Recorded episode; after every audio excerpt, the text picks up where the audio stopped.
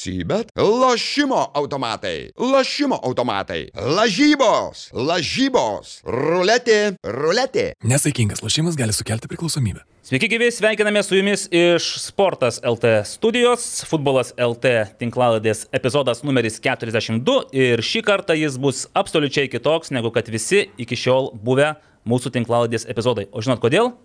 O todėl, kad šiandien joje nėra Aurimo Budraičio. Aurimas Budraitis vienintelis, man reikės, tinklalaidės kuriejas, iki šiol nepraleidęs nei vieno epizodo, bet šį kartą štai ir mano pozityvas, mano geros nuotaikos priežastis, Aurimo nėra, turim Karolį Tretjaką, labas Karolį. Sveiki. Turime Naglį Miknevičių, labas Naglį. Labas. Puikiai atrodai, beje, pasipuošęs šiandien. Ai, tu tokias pozityvas. Nu, neįlinė, neįlinė diena, taip. Abie aurimo nėra, bet podelis aurimo. O, yra. o nu, vien, podelis Aurimo yra ir Sibetas, Westfrostas, Darfco UK, VAT Electrical, visi kiti, kurie mm, Aurimo geriausi draugai, taip pat yra su mumis. O Aurimas, Aurimas kur? Aurimas šiuo metu Facebook'e kelia dviprasmiškas nuotraukas, rodo mums gaudžio šedevrą iš toli ir iš arti visokiausiais rakų. Tam tikrų, nu, bet čia jau tarp mūsų palikim, tarp mūsų. E, Gerbėmėjai, praėjusią savaitę dovanojo mums e, tiesiog pliūpsinį pozityvo, na visam futbolui, ne tik tai mums, čia aišku, kiekvienas asmeniškai priimam tuos e, žalgerio džiaugsmingus žingsnius Europos taurėse. Visi, manau, turime savo perspektyvas, kaip jas žiūrime, bet, bet kuriu atveju aš manau, kad kiek, visiems futbolo mėgėjams tai yra džiaugsminga akimirka, kad pagaliau rudenį turėsim galimybę matyti Lietuvos futbolo klubą žaidžiantį Europos taurėse. Nežinom kokiuose, tiesą sakant, dar nuo čempionų lygos iki konferencijų lygos kelias atviras. Tai va, šiandien, jeigu pavyks, o tikimės, kad pavyks, mes ištempsime mūsų pokalbį iki e, burtų ir sužinosime, kas žalgiriui grėsia pergalės atveju čempionų lygoje arba pralaimėjimo atveju Europos lygos, e, kas ten bus, Atrankoje. playoffai, taip, jau tas paskutinis žingsnis. Tai va, tikimės, kad sulauksim, o trijų valandų nežadame šį kartą praleisti studijoje. Bet to niekas mūsų čia tiek ir nelaikys. Tai labai, labai visi nuoširdžiai galvojame, kad be aurimo mes apsisuksime šiek tiek greičiau. Jo. Ne per 90, Elektra išjungs. ne per 120, bet dar taip kažkur per 120, dar pridėtinio laiko, dar su pendelis, jeigu taip praeis. Kiek Gerai. Tai va, tai tai tiek trumpai iš manęs pozityvo, dabar gerbėmėjai, jums e, šansas irgi trumpai pozityviai kažką pasakyti žiūrovams. Kas geresnio? Na, šiaip iš tikrųjų, vėl, futbole ir kaip ir gyvenime nedažnai būna vien pozityvas. Tai ir šioje savaitėje negaliu sakyti, mano savaitėje nuo praeitos laidos, kad buvo vien pozityvas, buvo ir tokių nelabai linksmų gyvenimiškų dalykų, dėl to ir iš esmės nelabai galėjau pažiūrėti tą istorinę per, e, pergalę e, transliacijos, bet vis tiek, e, aišku, Žalgeris yra pozityvas numeris vienas ir e, ką tik kalbėjom prieš laidą, kad jau bilietai į rungtynės su, su Bo, Bodės e, Glimtu jau išparduoti, čia už savaitės bus rungtynės, turbūt per valandą, kaip rašė Eimantas. e, Taip, čia žinai, kas keista, kad išparduoti dar nežinant, kaip pasibaigė pirmosios rungtynės. Taip, nes maža, tai gal rungtynės. 0,5 ir tu Na, čia taip. sakai, nu ko aš tenais Bet, bet kuriuo atveju smagu. Smagus, toks atrodo tas e, lietuvių, tas ja- ažiotažas ir tas visas laukimas, e, tarsi, tarsi įkaitęs, įkaitęs vanduo, ir tie bilietai buvo kaip įkaitęs smėlis, sakau, įkaitęs vanduo, Saharo, ir tie bilietai buvo jau išpilti ir jie ten suėjo labai staigiai. Ir būtų dar daugiau bilietų, net nebejoju, kad, Nagli, nagli, nacionalinių užpildytume? Nu, koks tas nacionalinis būtų. Kol kas toks, koks yra, 15 tūkstančių, didesnio Manau, nemanau, kad taip. nesugalvojom. Manau, kad taip, ar ten e, Kauno, sakykime, nors e, u- iš, užpildytume. E, Ir tokios akimirkos, tai žiauriai smagios, žiauriai džiugina. O iš asmeninio dar pozityvo, tai dar teko pakrutėti savaitgalį Lietuvos seniorų plus 50 amžiaus grupėje. Čia man dabar susiveda galai, kur Naglis Facebook'e parašė apie tuos 50 plus Taip, seniorus. ir ten buvo pastebėtas Jonos treneris Petro Kušlygas. Ir aš prisiminiau, kad jis minėjo, kad yra dar keli žaidėjai, kurie yra nu, Belika Liepna, labai puikų žaidėjai ir, ir patyrę žaidėjai. Tai aš manau, kad gal ir ten mm. buvo skaut, skau, skautavimas atliktas. O tarp jūsų tenais buvo devi- 190 plus ūgio žaidėjų, nes aš kaip suprantu dabar tai, taikinį pas Petro yra tik tai būtent aukšta ūgiai Lietuvos futbolininkai. Klaipėdos komandoje buvo panašus Buvo. žaidėjas. Taip. Lauksim naujienų iš transferų rinkos.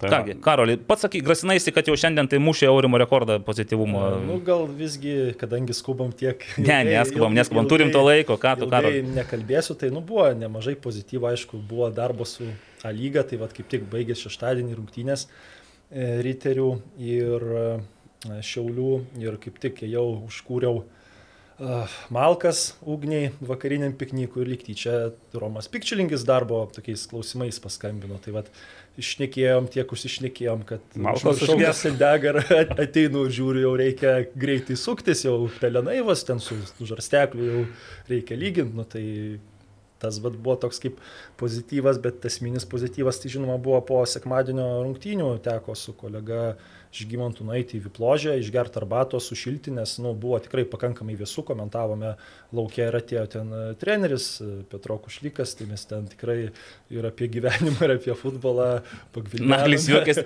Naglis toks jausmas, kad esi buvęs toj vipložėje. Buvęs. Pagvildenome tikrai visokių temų, na ir gal nedėčiau paralelių su Žagarė, bet buvo, nu, iš tikrųjų taip e, įdomu pabendrauti ir ta kelionė atgal irgi buvo tokia labai e, irgi pakankamai įdomi.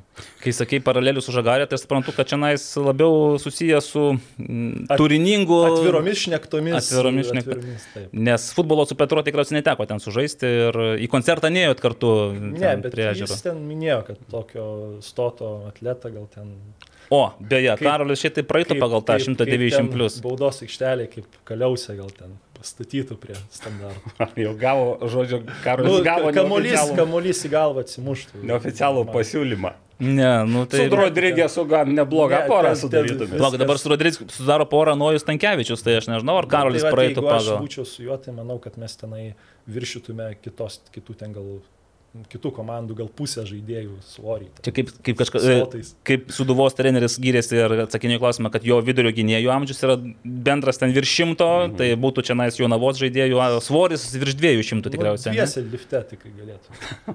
Krovininiu. Kok, koks to Rodrygėso svoris šiaip jau? Kas nors žino, Nu, Aš pastebėjo? nežinau, ar čia reikia gal... kažkaip Nėra tokios šito- grafos, Nu, statistikos Nėra. Apie šimtą, manau. Jis kintamas Man dalykas. kažkas minėjo, man atrodo, 98. manau. O šiaip jisai, aš jo per teliką, kaip matai, tai nelabai suprasti, jis aukštas, jisai kokio Ne. ūgio, naglio ūgio, karolio Ne, ūgio, tarpinis.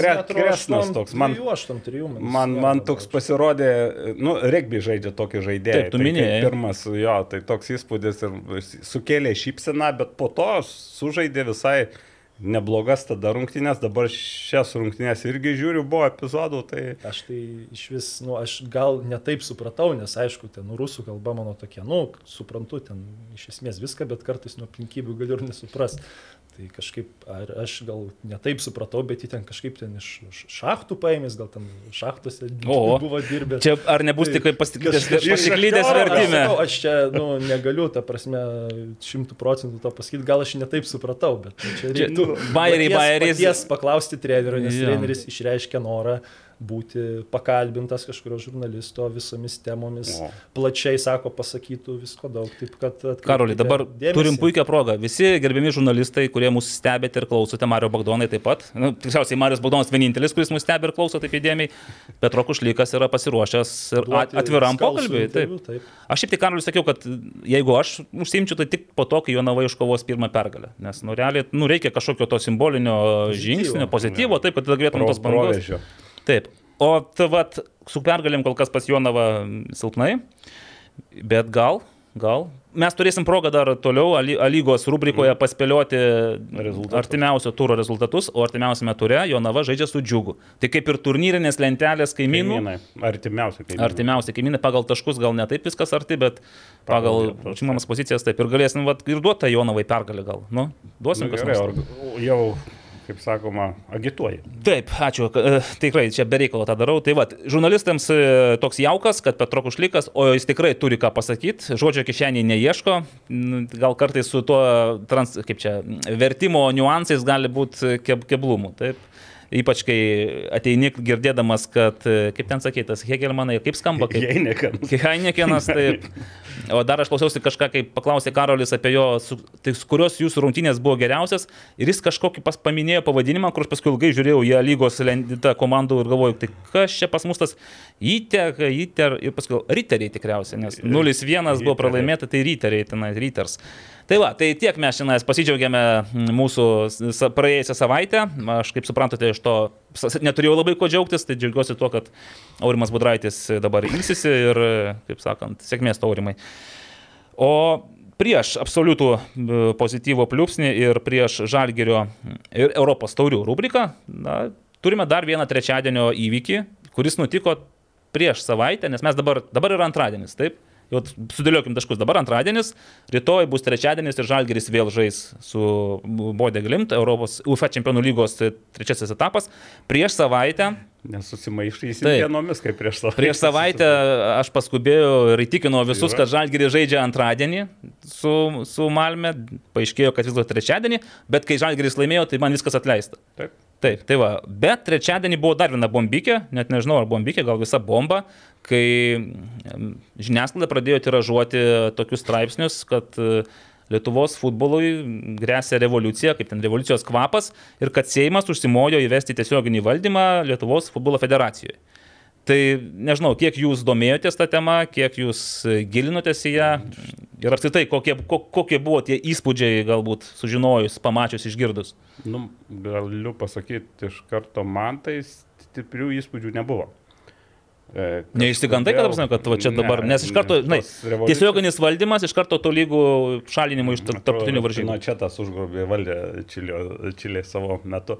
Ne, šiaip tai gan skeptiškai žiūrėjau, atvirai pasakysiu, ir į vienos pusės argumentus, nes pasakyti yra viena, argumentuoti yra kita, o kai ten pasižiūri kokie argumentai, tai nu, kai kurių Seimo narių iš vis buvo mm, absoliučiai kaip ir nepasiruošę. Kaip, Tai iš to posėdžio turiu menį, ne? Taip, ten- taip.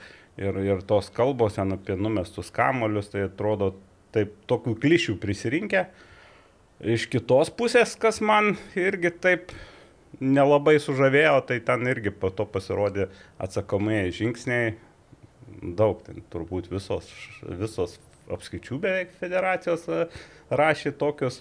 VRFS kažkodėl kukliai nutilėjo savo Nu, poziciją. Sakau, beveik. Beveik. Taip, ne tik VRFS, dar vienos gal pasigėdau. Tai man irgi toks, toks Nematai tokio bendro braižas, kad eitų toksai...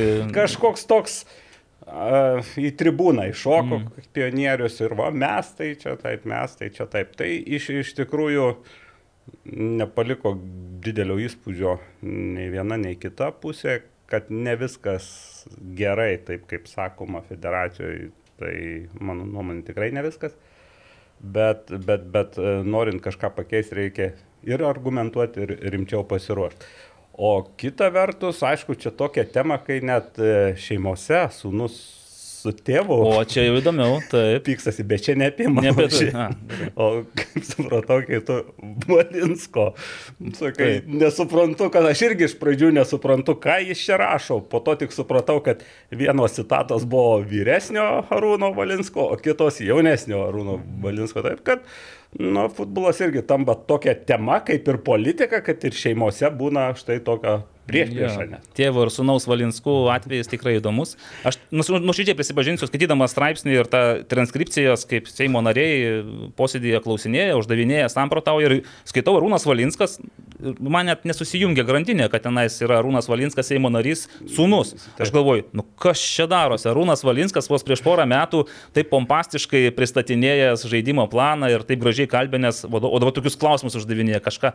Ir tik tai, kai tikrasis nu, vyresnysis Arūnas Valinskas iššovė su, e, su savo straipsniu, man pagaliau viskas sukrito, sakant, lego kaladėlis. Karoli, jūs nesikreipė atsakingi asmenys už strateginę komunikaciją su prašymu iškomunikuoti savo teisingą ne, nu, po požiūrį? į A lygą kreipėsi, nu ten atsakyti į tam tikrus klausimus, bet ten, kaip suprantu, jau direktorius naujasis atsakinėjo. Aš tai, nu, pradėjau, aišku, tą temą domėtis, man buvo įdomu, tas trečiadienis buvo kiek laisvesnis, nu ir įsijungiau aš tą posėdį, žiūrėjau, nu ir likau nusivylęs iš tikrųjų likau. Nu, atrodytų, lik susirinktų vat, tokia grupelė žmonių, nu, kur atrodytų gal vienas, nu, vat, kaip, pavyzdžiui, Kaščiūno atveju, nu, aš tikiu, kad jis apie futbolą supranta ir ten, jeigu jam gal duotų daugiau dar laiko ir jis gal dar geriau pasiruoštų, manau, jis ten tikrai tą diskusiją būtų gal dar ir kitaip pakreipęs, bet atrodo visi ten kiti likę, na tarsi kaip kokiam, nežinau, žmonės taip iš niekur kaip kokiam kriptovaliutam užsiminėja, sueina į vieną krūvą, o geriausiai gavos, kai Jovaiša kaip tas kriptovaliutų seneliukas iš Sodžiaus, ten kažkokį tokį komentarą pasakė, tai mačiau ir, ir PLF prezidento veidė tokia šypsena slepiama ir aš pradėjau šypsotis, nors supratau, kad e, kažkaip, kai tau mėto tokius teiginius, nu tu kažkaip, e, nu, turi suprasti, kad, nu, ir atsakyti į tą reikia, nu, šiokio tokio meno, kai matai, kad, va, žmogus, taip, sakykime, tokia argumentą prastą pateikė. O tų argumentų prastų buvo daug ir mane va, tas nuvylė, kai tu taip pasiruošęs ateini į tą diskusiją ir aš kažkaip tų kitų posėdžių nežiūrėdavau, bet jeigu tokie posėdžiai va, panašių grupių klostosi būtent panašiai, tai mane tas tikrai nuvilia. Aš noriu tikėti, kad taip nėra. Aš ir pats, na, dabar tiek su futbolu ten jau kaip ir nemažai, ten bendro turiu ilgai toj struktūroje esu, tai manau, kad dabartinė federacijos valdžia yra tikrai nu, tokia e, geresnė negu buvo anksčiau ir tas problemas, vat, panašias tokias polemikas reikėjo kelti, kelti anksčiau. Ten turbūt suprantama, kad va, dėl poro žmonių įvaizdžio turbūt, bet apie tai juk neminėjo, apie Pukelį ir Buzą, man atrodo, iš vis per, per posėdį tie tokie argumentai, tai man atrodo pritemti, nu kaip tu gali kaltinti uh, dabartinė federacija, kad rinktinė prastai žaidžia. Nu, tai čia yra juk nu, ankstesnių dirbusių žmonių kažkoks tai palikimas likęs, bet nu, vis tiek tie kiti turi už tai atsakyti. Tai taip, jeigu susumuojant, esu sakau, kažkiek nusivylęs, kad tokia atrodo svarbia tema, nu, kur iš dalies tame ir yra racijos, kad jie, nu, atrodo, ateita, ateita taip nepasiruoštai. Tai aš ten, aišku, čia gal jau vėlyvas toks, bet uh, dar pastebėjimas, kad e, Facebook'o paskyroje sveiks valio, aš ten radau daugiau tokių rimtesnių argumentų vienam parašyme, nei visoj toj, toj tam posėdį. Tai O žinai, kodėl radai, Nagli? Todėl, kad Evaldas Gelumbauskas savo laiku sveiks valio 2019 m. penktame numeryje yra parašęs išsamų straipsnį. Išsamų straipsnį, kuris vadinasi Lietuvos futbolas saviems ar visiems. Saviems ar visiems. Čia kaip klasika. Taip, ir čia yra popierinis variantas, internete to nerasi, sako, man paskui parašė, sako, ar turi tą straipsnį, kur yra, ta prasme, nu, sakau, tai internete ieškokit, taigi rašau straipsnius pilną. Pasirodo, ne, čia tas straipsnis yra popieriuje ir tai va viskas kas, koks man buvo atgarsis, aš irgi tai paskaičiau tą e, trečiadienį tas žinutės Pirma mintis buvo, kad aš skaitau iš tiesų tai, ką mes su Vilniaus regiono futbolo sąjunga ir su Pauliu Malžinsku 2020 metais, 2020 metų pradžioj, kai Paulius ruošiasi e, kovai dėl Lietuvos futbolo federacijos prezidento posto, čia ta kova, aišku, jinai tik tai saliginė, bet vis tiek buvo pateikti įstatų pakeitimo e, pateiktas projektas, atitinkamai suderinta su UEFA ir FIFA visais tais pavyzdiniais e, įstatais. Ir tame projekte buvo ir E, punktas apie klubų įtraukimą į Lietuvos futbolo federacijos e, narių sąrašą kaip atskirų juridinių vienetų. Taip pat buvo ir etikos komisijos e, sudėties pakeitimas, nes tikrai nėra normalu, kai Arūno Pukelio trys buvę advokatai iš penkių etikos komisijos narių, jie dalyvauja priimant sprendimus ir tas vienas iš sprendimų buvo paskui Paulius Mažinsko pašalinimas ir suspendavimas ir taip toliau. Taip pat dėl sporto arbitražo teismo irgi teko bendrauti prieš tos kelis metus su Vytutu Nekrošium, e, jisai yra e, teisės profesorius ir jisai labai argumentuotai rodė, kad nėra jokio pagrindo Lietuvos futbolo federacijai reikalauti, kad tie pro, problemos arba klausimai sprendžiami su jos nariais būtų sprendžiami tik tai Lozanoje, tik tai tarptautinėme sporto arbitražo teisme. Yra ir Lietuvoje vietinis sporto arbitražo teismas, dabar prie komercinio teismo ir tu tenais gali taip pat spręsti tos klausimus ir jokie FIFA ar UEFA įstatai nuostatai to nedraudžia, netgi atviršiai, kai e, VRFS kreipėsi į, parašė oficialų užklausimą, ar taip galima, gavo iš FIFA atsakymą, kad taip, tai yra visiškai leisna, tai yra mūsų įstatų dalis. Dabar, kalbant apie federacijos atsakymus, tai aš jau prieš, sakykime taip, nuo 16 metų, kai, e, Ed, e, kai Edvinas Eimontas tapo e, LFF prezidentu, pirmą kartą išgirdau, kad Lietuvos futbolo federacija turi atsiverti, turi tapti skaidresnė ir jinai taps skaidresnė ir jos narių skaičius didės ir viskas keisis, nes tuo metu ten gal buvo vykdomajame buvo apie 10-12 žmonių, kurie sprendė. Tai buvo šešios šakinės asociacijos ir šeši em, apskričių vadovai iš dešimties, nes tarkime, Ten jie rotuodavosi. Taip, rotuodavosi ir Vilniaus dažniausiai nepatekdavo, nes Vilniaus būdavo nepalankus, tai tenais ta rotacija būdavo tokia, kad balsuodavo ir rinkdavo. Ir dažniausiai išrinkdavo tuos, kurie, kurie ten stankui, kvedarui ir kompanijai buvo reikalingi ir, ir palankus ir naudingi. Tai Edvinas Eimontas 16 metais sakė, kad tai bus ne revoliucija, jisai yra ne, ne revoliucijos šalininkas, o evoliucijos. Ir kaip evoliucijos įrodymas buvo suburta tų metų rudenį mm, gerosios patirties, ar tenas e, gerosios praktikos e, darbo grupė, kuri turėjo išanalizuoti situaciją Lietuvoje, kuri turėjo atsižvelgti į FIFA ir UEFA naujausias rekomendacijas ir paruošti Lietuvos futbolo federacijos naujosius įst- įstatus. Toje grupėje dirbo e, Davidas Šemberas, Gintotas Babravičius, e, Artūras Gimžauskas, dar ten daugiau buvo tų žmonių ir šiaip na, jie beveik metus dirbo paruošė įstatus, kurie iš esmės atitinka tai, dabar, ko dabar prašo, ko dabar nori ir reikalauja Seimo nariai Mykolas Majauskas ir Laurinas Kaščiūnas. Bet 17 metų gegužę staiga iššoka kaip Pilypas iš kanapių stankų su savo per naktį paruoštomis naujomis įstatų korekcijomis. Ir taip gaunasi, kad devynis mėnesius gimdė e, savo e, pasiūlymus da, gerosios praktikos darbo grupės nariai lieka ant ledo. Stankaus e, projektas yra priimamas, o jo esmė yra ta, kad tiesiog Išsiplečia šiek tiek vykdomame komitete narių skaičius, nes tada visos jau regioninės asociacijos turi savo atstovus, visi vadovai automatiškai patenka į VK ir visos šakinės asociacijos taip pat turi savo atstovus ir dar yra privalomas e, tributas, tai yra moteris. Moteris. Taip, moteris, kuri yra, na, nu, toks man, kaip žinot, kaip figos lapelis, nes to reikia. Mm, Nes to reikalauja, nes tai va, jeigu reikalauja, tai tada turėsime ir tą moterį. Kai 17 metais keičiasi prezidentai, kai Nerijus Dunauskas užleidžia vietą e, Tomui Danilevičiui, tai kai prasideda galios žaidimai, Arūnas Pukelis, Žydrūnas Buzas, jie suformuoja savo komandėlę, ten Mindaugas Bondauskas taip pat įsijungia, jie laimi savo rinkimų savo apskritise, tampa VK nariais. Ir tada 18 metai, 18 metų Liepa paaiškėja, kad e, Stankus vienoje pusėje su Dunausku ir e, Arūnas Pukelis kitoje pusėje su Danilevičium prasideda galios kova, laimi Pukelis ir matome nuo 18 metų rudens, kai aš pirmą kartą tokį turėjau tiesioginį kontaktą su Edgaru Stankievičium, su, su naujaisiais federacijos vadovais. Buvo futbolo treneris LT organizuota tokia konferencija, pokalbis, atviras pokalbis su Šemberu. Šemberas tuo metu pakvietė tada į draugiją Edgaras Stankievičius, sakė, štai čia naujas, e, vado, naujas žmogus federacijoje, jis padarys tvarką, dabar duokim jam laiko, nepulkime. Tada pamenu, kad tikrai Edgaras Stankievičius kalbėjo ir gražiai, ir teisingai.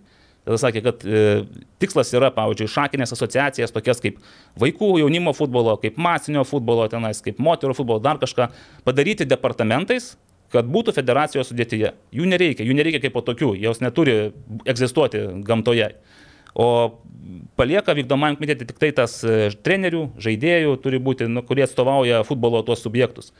Viskas buvo, mintis buvo geros, viskas buvo gerai, paaiškėjo, dabar prabėgo ketveri metai beveik. Evoliucija, matai. matai. Evoliucija sustojo toks jausmas. Nu, tai taip. Bet ne, aš, na, aišku, aš irgi sakau, kad evoliucija gal sustojo, bet vis dėlto šių metų balandį e, federacija patvirtino naujus įstatus, kuriuose buvo toks naujausias e, pokytis, tai yra mm, nustatytos kadencijos generaliniam sekretoriui, LFF prezidentui ir visiems e, federacijos valdžios organams, ten, kas ten bebūtų, tikriausiai taip pat ir E, Apskaičių federacijos irgi turi pagal tai pasi, nusistatyti savo įstatus pasidaryti, kad atitiktų federacijos e, tuos optimalius įstatus. Tai va, Mhm.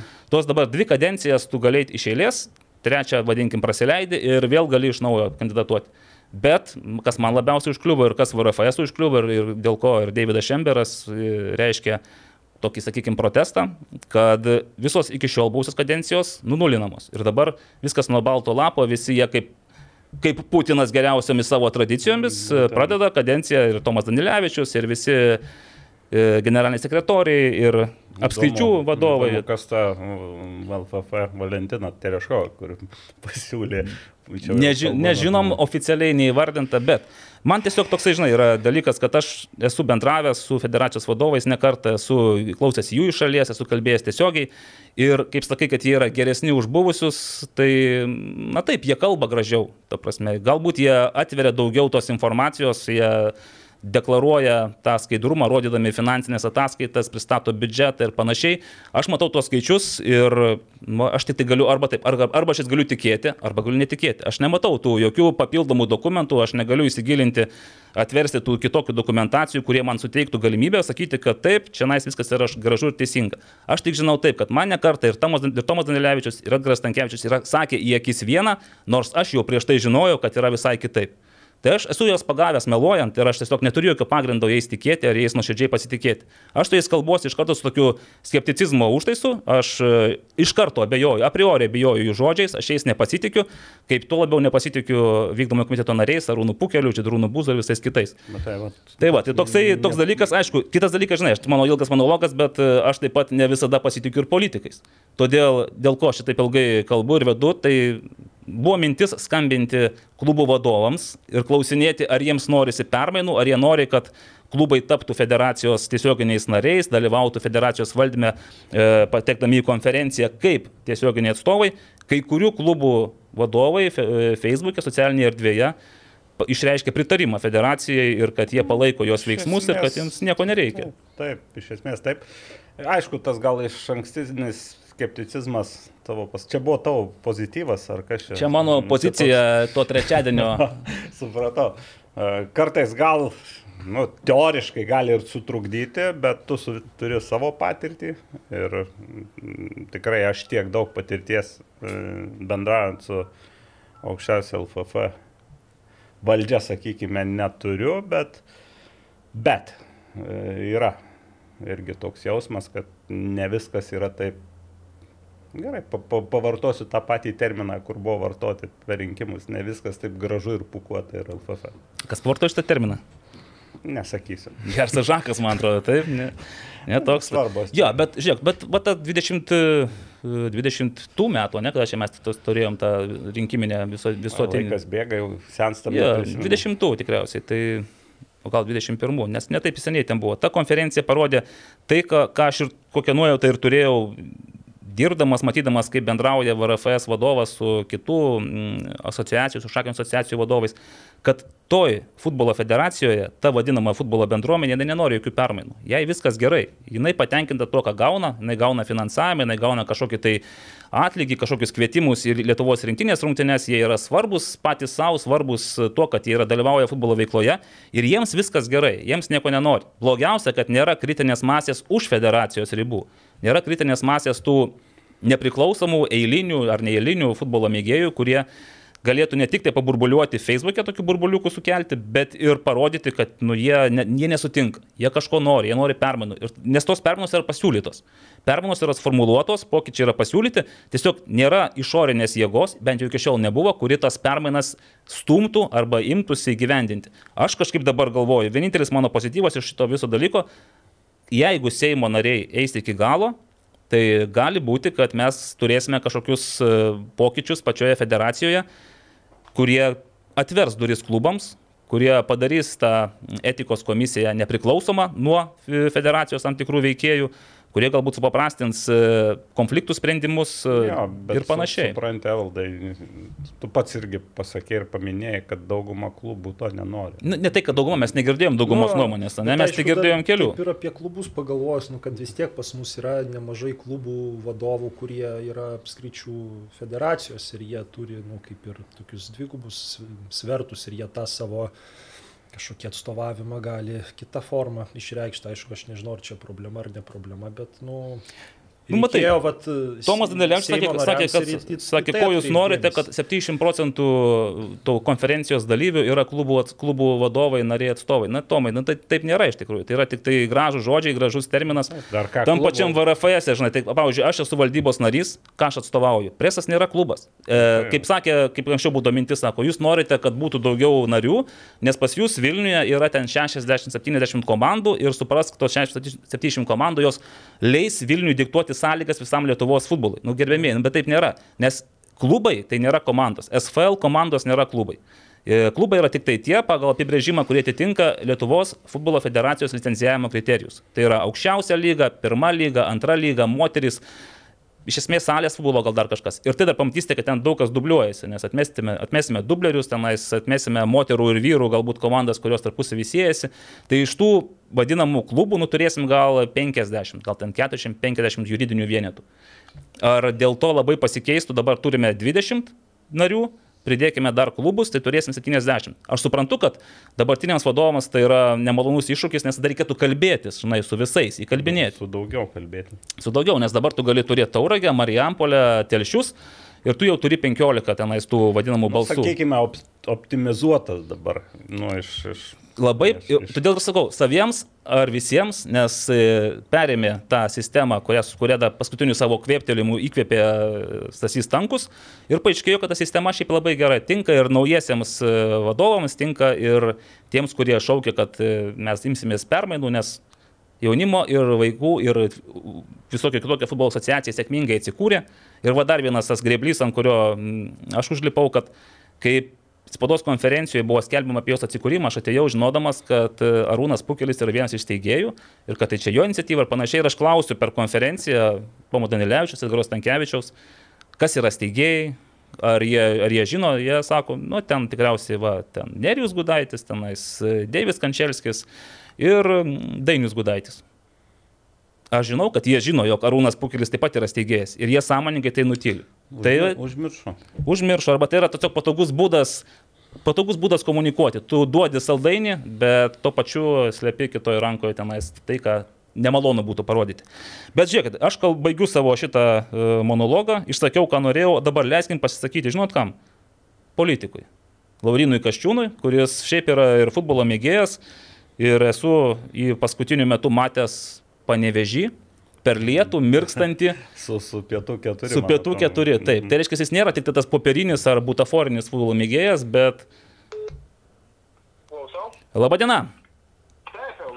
E, Laurinai, na, atsiprašau dar iš karto mūsų žiūrovų, kad mes šį kartą naudojamės ne Bluetooth'iniu įrenginiu, kuris labai sustiprina garsą, bet e, kal- kalbamės per telefoną.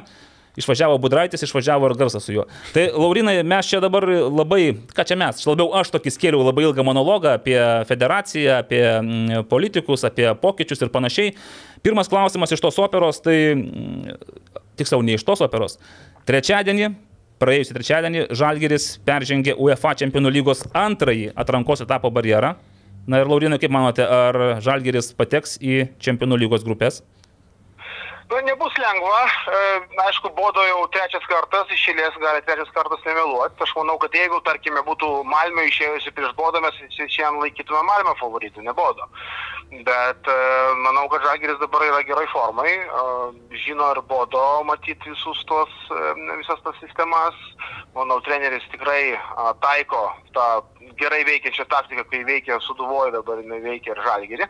Mes tikrai turim galimybę įveikti, įveikti Norvegus. Aš tikrai tuo, na, tikiu, sakykim taip. Nu, Tuo po Norvegų dar, Aišku. jo, dar nebus iš karto patekimas į Čempionų Taip, lygą, vienas bet... etapas, o ten, ten kandidatai, kandidatai rimti, nu vis tiek, jeigu koks ar Ludogorėcas bus, ar ne, ar, ar dar kažkas tokio. Cervena bus, Zvezda, bus- ką mes Zvezda. Zagrebo Dinamo. A, Be abejo, tai yra, nu, sudėtinga. Sudėtinga. Bet kuriuo atveju, nu, ta prasme, reikia tikėti, nu, kaip pietų keturi tiki, tiki tiek metų, tai reikia tikėti, kažkada galbūt tas stebuklas įvyks. Bet mesgi žinom, kad net jeigu ir, ir, ir, ir nepavyktų, tai einam į Europos lygą arba einam į, į tą konferencijų lygą, ar ne, ir tada mes galim jau, nu, vis tiek būsim grupėse. Tai Taip, nu jau žvirblį, žvirblį saujoje mes jau turim, bet kuriuo Taip, atveju. tikrai taip. Tai Taip, dabar- dar 3 milijonus eurų. Taip. Taip, čia dar čia minimumas, kuris nu, nukrinta. Taip. Bet dabar, Laurinai, rimtas klausimas, tai kodėl tą trečiadienį nusprendė Seimas sugadinti Lietuvos futbolų šventę ir va, metė tokį mm, šešėlį, taip aš iš, iš socialinės erdvės paskui pasipylusių tokių kaltinimų ir netgi sukėlė grėsmę, kad žalgerio, nematysim žalgerio taptinį areną, nes UEFA ir FIFA gali užbaninti mus ir mūsų taptautinį futbolą. Tai kodėl būtent Na, tą manau, trečiadienį?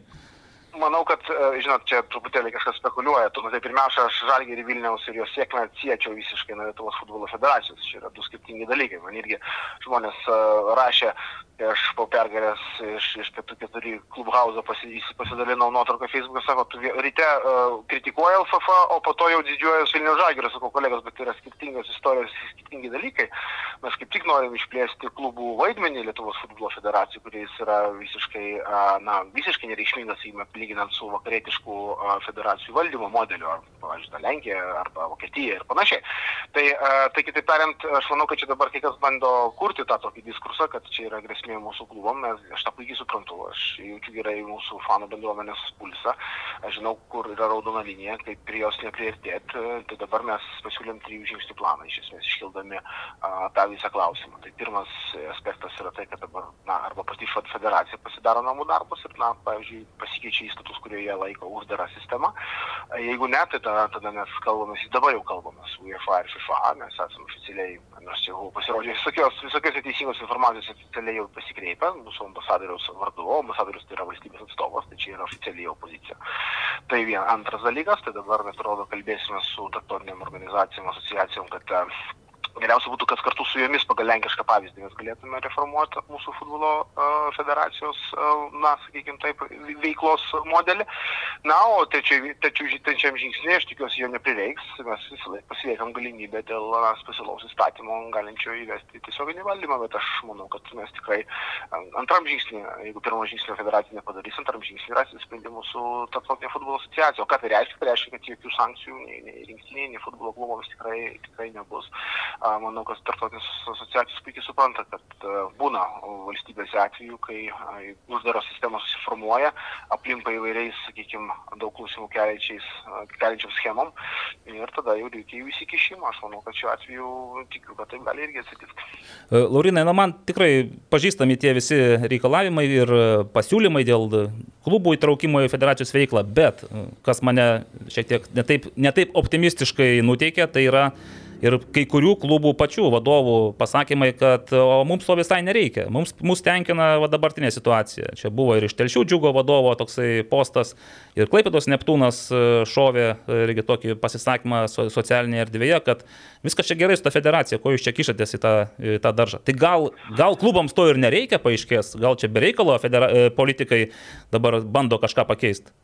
Na, nežinau, klubams reikia, reikia, reikia Lietuvos futbolo bendruomeniai. Faktas, kad bendruomenė yra per mažai atstovaujama. Jeigu tik tai 20 juridinės minutų turi teisę balsuoti, rinkti federacijos vadovą ir būtent, reiškia, po to jau formuoja ir tą vykdantį komitetą, jau net rinkimų keliu, o tik tai regionas apsisprendus, ar ne, tai matyt labai aiškiai galim pasakyti, kad atstovavimas yra nepakankamas. Tai man aišku keista girdėti, kad kai tu siūlai klubam turėti daugiau balso teisę federacijoje, jie sako, ne, ne, ne, ačiū, to, to man nereikia. Na tai labai keista, ta prasme. Aš girdžiu ir kitokius balsus, ta prasme, tik jie galbūt dabar net nedrasus, nes aš sutinku su tuo, na, nesutinku.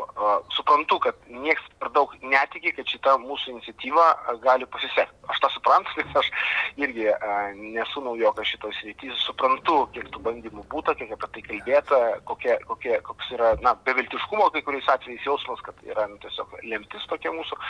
Bet patikėkit, mes planą turim labai konkretų ir aišku. Ta prasme, tai šitoje vietoje, na, tie turi, jeigu pasikeis įstatai taip, tai jie turės teisę rinkti FF vadovą, turės teisę nustatinėti pagrindinius futbolo politikos principus ir galės a, tuo naudotis. Aš manau, kad čia yra tokio dabar atsargumo a, padiktuoti tokie komentarai, sakykime, matyt, labiau netikint, kad, tai, kad šitas bandymas bus, bus, bus pavykęs. Aš atsakau, kad planas labai aiškus ir aš manau, kad viskas bus gerai, bus kitaip šį kartą, bus kitaip. Aš taip viliuosi, aš to tikiu, bus kitaip.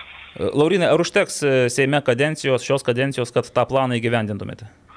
Tai, žinokit, dėl šios kadencijos aš to nebejoju. Ta prasme, mes, manau, jau rudenį matysim, matysim aiškesnį vaizdą. Mes tikrai, žinokit, pasidarė namų darbus ir, ir pasikalbėjo su įvairiom frakcijom ir, ir, ir, ir, ir esam pasiruošę jau įstatymo projektą. Kol kas, aišku, mes jo ne, ne, neregistruojam, mes laukiam per federacijos atsakymą, mes, matyt, jeigu kas parodysim ir, ir, ir, mūsų kolegom užsienį, tai yra tarptautiniam asociacijom ir paprašysim jų, galbūt, sakykime, tokių tikrų komentarų, rekomendacijų ir dėmesio. Tai čia yra šio rudens klausimas, tiesą sakant, aš tą galiu drąsiai pasakyti. Čia šio rudens, ne kadencijos, o šio rudens klausimas. Ok, na ką, tai turėsime rudenį futbolo komandą, pirmą lietuvišką grupėse ir turėsime, tikiuosi, ir kažkokį konkretų apčiopiamą ir Seimo narių pasiūlymą ir sprendimą to Lietuvos futbolo federacijos problemų. Laurinai, ačiū už pokalbį, tad pabaigai dar vienas tradicinis toksai prašymas, kadangi mes šiaip ar taip šausime savo spėjimus šių rungtynių, tai padarykit pradžią. Kaip šiandien baigsis Žalgirio ir Bodeglimt rungtynės? Vienas nulis. Ne šiandien, atsiprašau, vėl trečiadienį, soriukas, jo, rytoj. Nu, vienas nulis žagia. Ir vėl kas įmuš dabar, o jie būsi tikriausiai pabėgęs, ne, nu, kokio kontra tenais. Kiek Aš manau, tas mūsų Brazilas priekį. E, Vis maišau jau. Renan Oliveira. Renatas. Rena, Renano, Ren- Ronaldo jo, Renano. Užauginom pagaliau, auginom Ronaldą, užsiauginom Renaną, žinai. Gerai, Laurinai, ačiū, 1-0, nu tokia, sakyčiau, optimistinė gaida baigiame, nes mano pasiūlymas, spėjimas bus šiek tiek kitoks. Dėkui, Laurinai, ir ką? Lauksime, lauksime rezultatų. Gerai, malonu, iki. Iki. Tai ką, gerbėmieji, va taip pat Lietuvos futbolo e, ruduo bus tikrai įdomus, jeigu viskas, ką pasakė Laurinas, e, realizuosis, tai manau, kad e, ir čempionų lygoje turėsime komandą, ne? Nu, panašu į tai, nu, bent jau Europos lygoje. Ir turėsim Jeigu- neblogus dalykų Lietuvos O, futbolo jo, politikai. Planai tokie. Jo, žiūrėkit, aš matau, kad jūs nuobodžiaujate, todėl tą progą galiu paskaityti reklamą, ką? Karolis taip susikaupė, žiūri. Susikaupė, žiūri, ką. Westfrost, Karoli. Westfrost, tu net negirdi, kaip jie dirba, tu net negirdi, kaip jie 17. e, valo orą, taip, čia 17 decibelų, tai e, Westfrost mūsų ištikimieji partneriai ir rėmėjai. Ir jų dėka mes galime kvepuoti natūraliai grinu ir sveiku oru. Na, jauti, ne? Kaip. Kvepuoji. Kvėpuoju, Westfrost taip. oro valytuvose esantis jutikliai kontroliuoja oro kokybę ir prisitaiko prie esamo aplinkos sąlygų. Kartu su išvalytų oru į patalpą išleidžiami teigiami ir neigiami jonai, jie neutralizuoja ore bei ant paviršių, sienų, grindų, audinių esančius teršalus. Čia šiaip teršalų nedaug, bet vis tiek visus neutralizuoja, jeigu ką. Kartu visą, visą tokių- negatyvą neutralizuoja iš karto. Kartu jų ir nėra, nes neutralizuoja. Taip, labai stipriai neutralizuota ir prietaisas efektyviai valo orą veikdamas labai žemų 17 dB triukšmo lygių. Čia panašiai kaip mano pokalbis su, su Laurinu Kaščiūnu buvo tikriausiai maždaug ant 17 Šiaip dB. Galėtume paskolinti vieną LFF, kitą į Seimą. Ir galėtų komunikuoti, ne? Komunikuoti. Tie- Tiesiog. Tai va, susipažinkite su Westfrost oro valytuvais www.goodair.lt. Tai va, dar mūsų rėmėjai yra Sibet ir šį kartą mes negalėsim tiesiogiai ir tiksliai pasakyti, kaip Neturim Sibet. ryšio, ne? Neturim ryšio, neturime. Aurimas Budraitis šiuo metu Barcelonoje mėgaujasi kitais malonumais, o mes be ryšio ir be Sibet, bet galėsim patys paspėlioti ir manau, kad e, pasidalinsim to mintim. Žengėme į Europos taurės, tai, tai kas yra daug smagesnio ir daug džiugesnio, bet šį kartą siūlau labai jau na- nenarsyti tų rungtinių Malmėje, nes tai buvo prieš savaitę ir visi iki šiol e, Jau išnarstė. Išnarstė po kabliukais. Stebėjau, beje, ir Tautido Vencevičiaus, Erino Kvitkausko, Židrūno Grudzinsko tandemą. Esu kaip sakęs, kad neklausau podcastų, bet šį kartą įsijungiau, buvo įdomu. Tai va, tai jie viską pasakė, aš dabar tiesiog nu, ne- nenoriu kartuoti, va, kaip sakė Grudzinskas, tai va, buvo taip ir taip. Bet pradedant tada nuo tų, tiesiog bendras įspūdis, Nagli.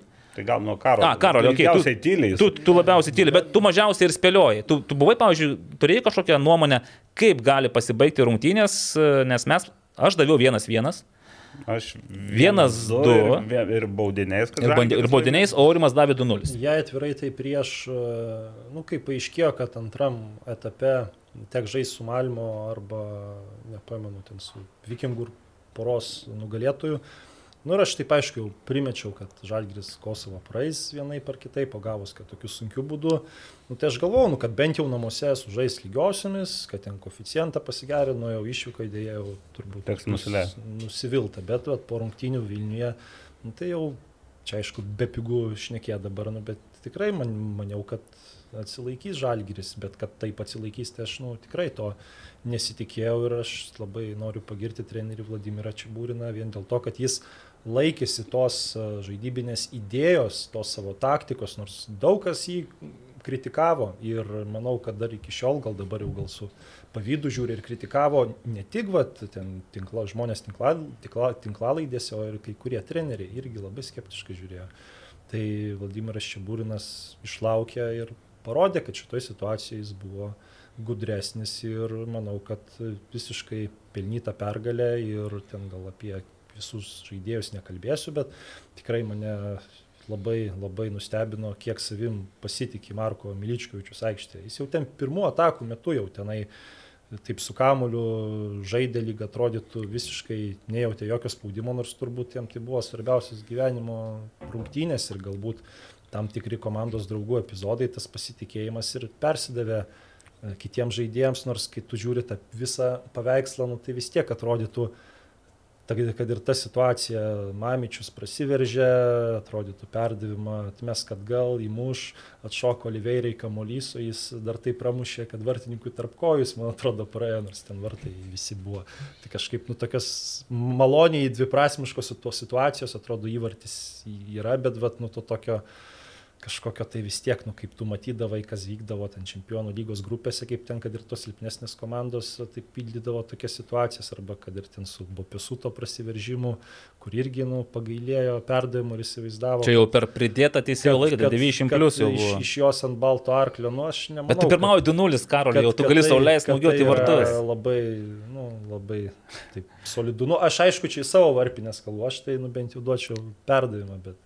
Nu, Žinai, dabar Karolė, aš dabar įsiterpsiu, nes labai įdomi pasakė, kad e, yra tas atakų užbaigimas, tas išpildymas, taip pat iš Ojavusit. Aš, kai jisai veržėsi, aš nelabai tikėjausi, kad jis įmuš, nes iki tol aš dažniau matydavau, kad jisai tokių, daly, tokių progų neišnaudoja, iki neįmuš. Nu, vat, kai su Kosovu buvo, kad jisai įmušė sudėtingiausiai progoje, o lengviausiai, nu, neišnaudojo. Jo, jo. Bet vat, šį kartą, tai vat, ko nebuvo anksčiau, taip žalgyrį, kad nu, vis tiek, vat, gerai, mes ten Videmoną girdavom už techniką, bet nu, nebūdavo tam tikrų žaidėjų, nu, kur turėdavo, pavyzdžiui, kažkokie savo žaidimo atributą ant 90 lygio, grinai tam tarptautiniam frontui. Jeigu, pavyzdžiui, vat, o už Ojavusi, nu tikrai greitesnio žaidėjo aš nelabai pamenu ankstesniam žalgyrį. Arba, pavyzdžiui, su tuo pačiu- Baravykas. su tuo pačiu bufu. Nu, atrodo, jis tenai irgi gal nėra toks greitas, fiziškai stiprus, bet nu, jisai labai gerai tos atlieka perdavimus, skaito žaidimą. Tada tas pats su Goropsovu, nu, buvo Blagojevičius, buvo Šimkovičius, nu tikrai tokie, galbūt Šimkovičius atakuojantis labiau, bet nu tikrai Blagojevičius tą kartelę buvo aukštai iškėlęs. Bet manau, kad Goropsovas ją permušė vien dėl to, kad jisai puikiai žino, kaip reikia atsidurti ant tuo penktų gynėjų, pasaugoti, yra labai kovingas ir jisai padaro tikrai tokių nemažai, nu kaip čia pas mūsų tų vadinamųjų įtupstų tokių epizodų arti pažangos, bet jis nu vat žino tą ribą ir nu tik va gavo vieną geltoną kortelę, nors iš tikrųjų visada žaidžia na taip labai kovingai ir atrodytų va taip arti tos geltonos kortelės, bet va čia irgi yra toks menas, va taip perimti tos kamolius, išmušti, kad va ne, neprivirt komandai košės. O apie dar rungtynės, va galutinai užbaigiant, tai mano vienintelis jaudulys buvo toks, kad kai komanda pradėjo rinkti geltonas korteles, kad tik va kažkas netyčia iš niekur antros geltonos negavo. Tai po pirmo įvarčio ten, kai sveikino, man atrodo, Bopesu. apie, kor, bopesu, apie korteles Jo, jis jau, jau ten kalbėjo. bėgo ir vat, kažką tai rodė, bet nu va dar tai po to galvojau, nu kad nu kokią aš ši- ši- ten šiandien penktą minutę ar truputį vėliau, nu kad jau keistų tuos, bet po to taip situacija nurimo, kad nu vat, tas vienintelis toks Raudono kortelė buvo parodyta. jau... jau Nu ir geltona buvo parodyta būstu, ne?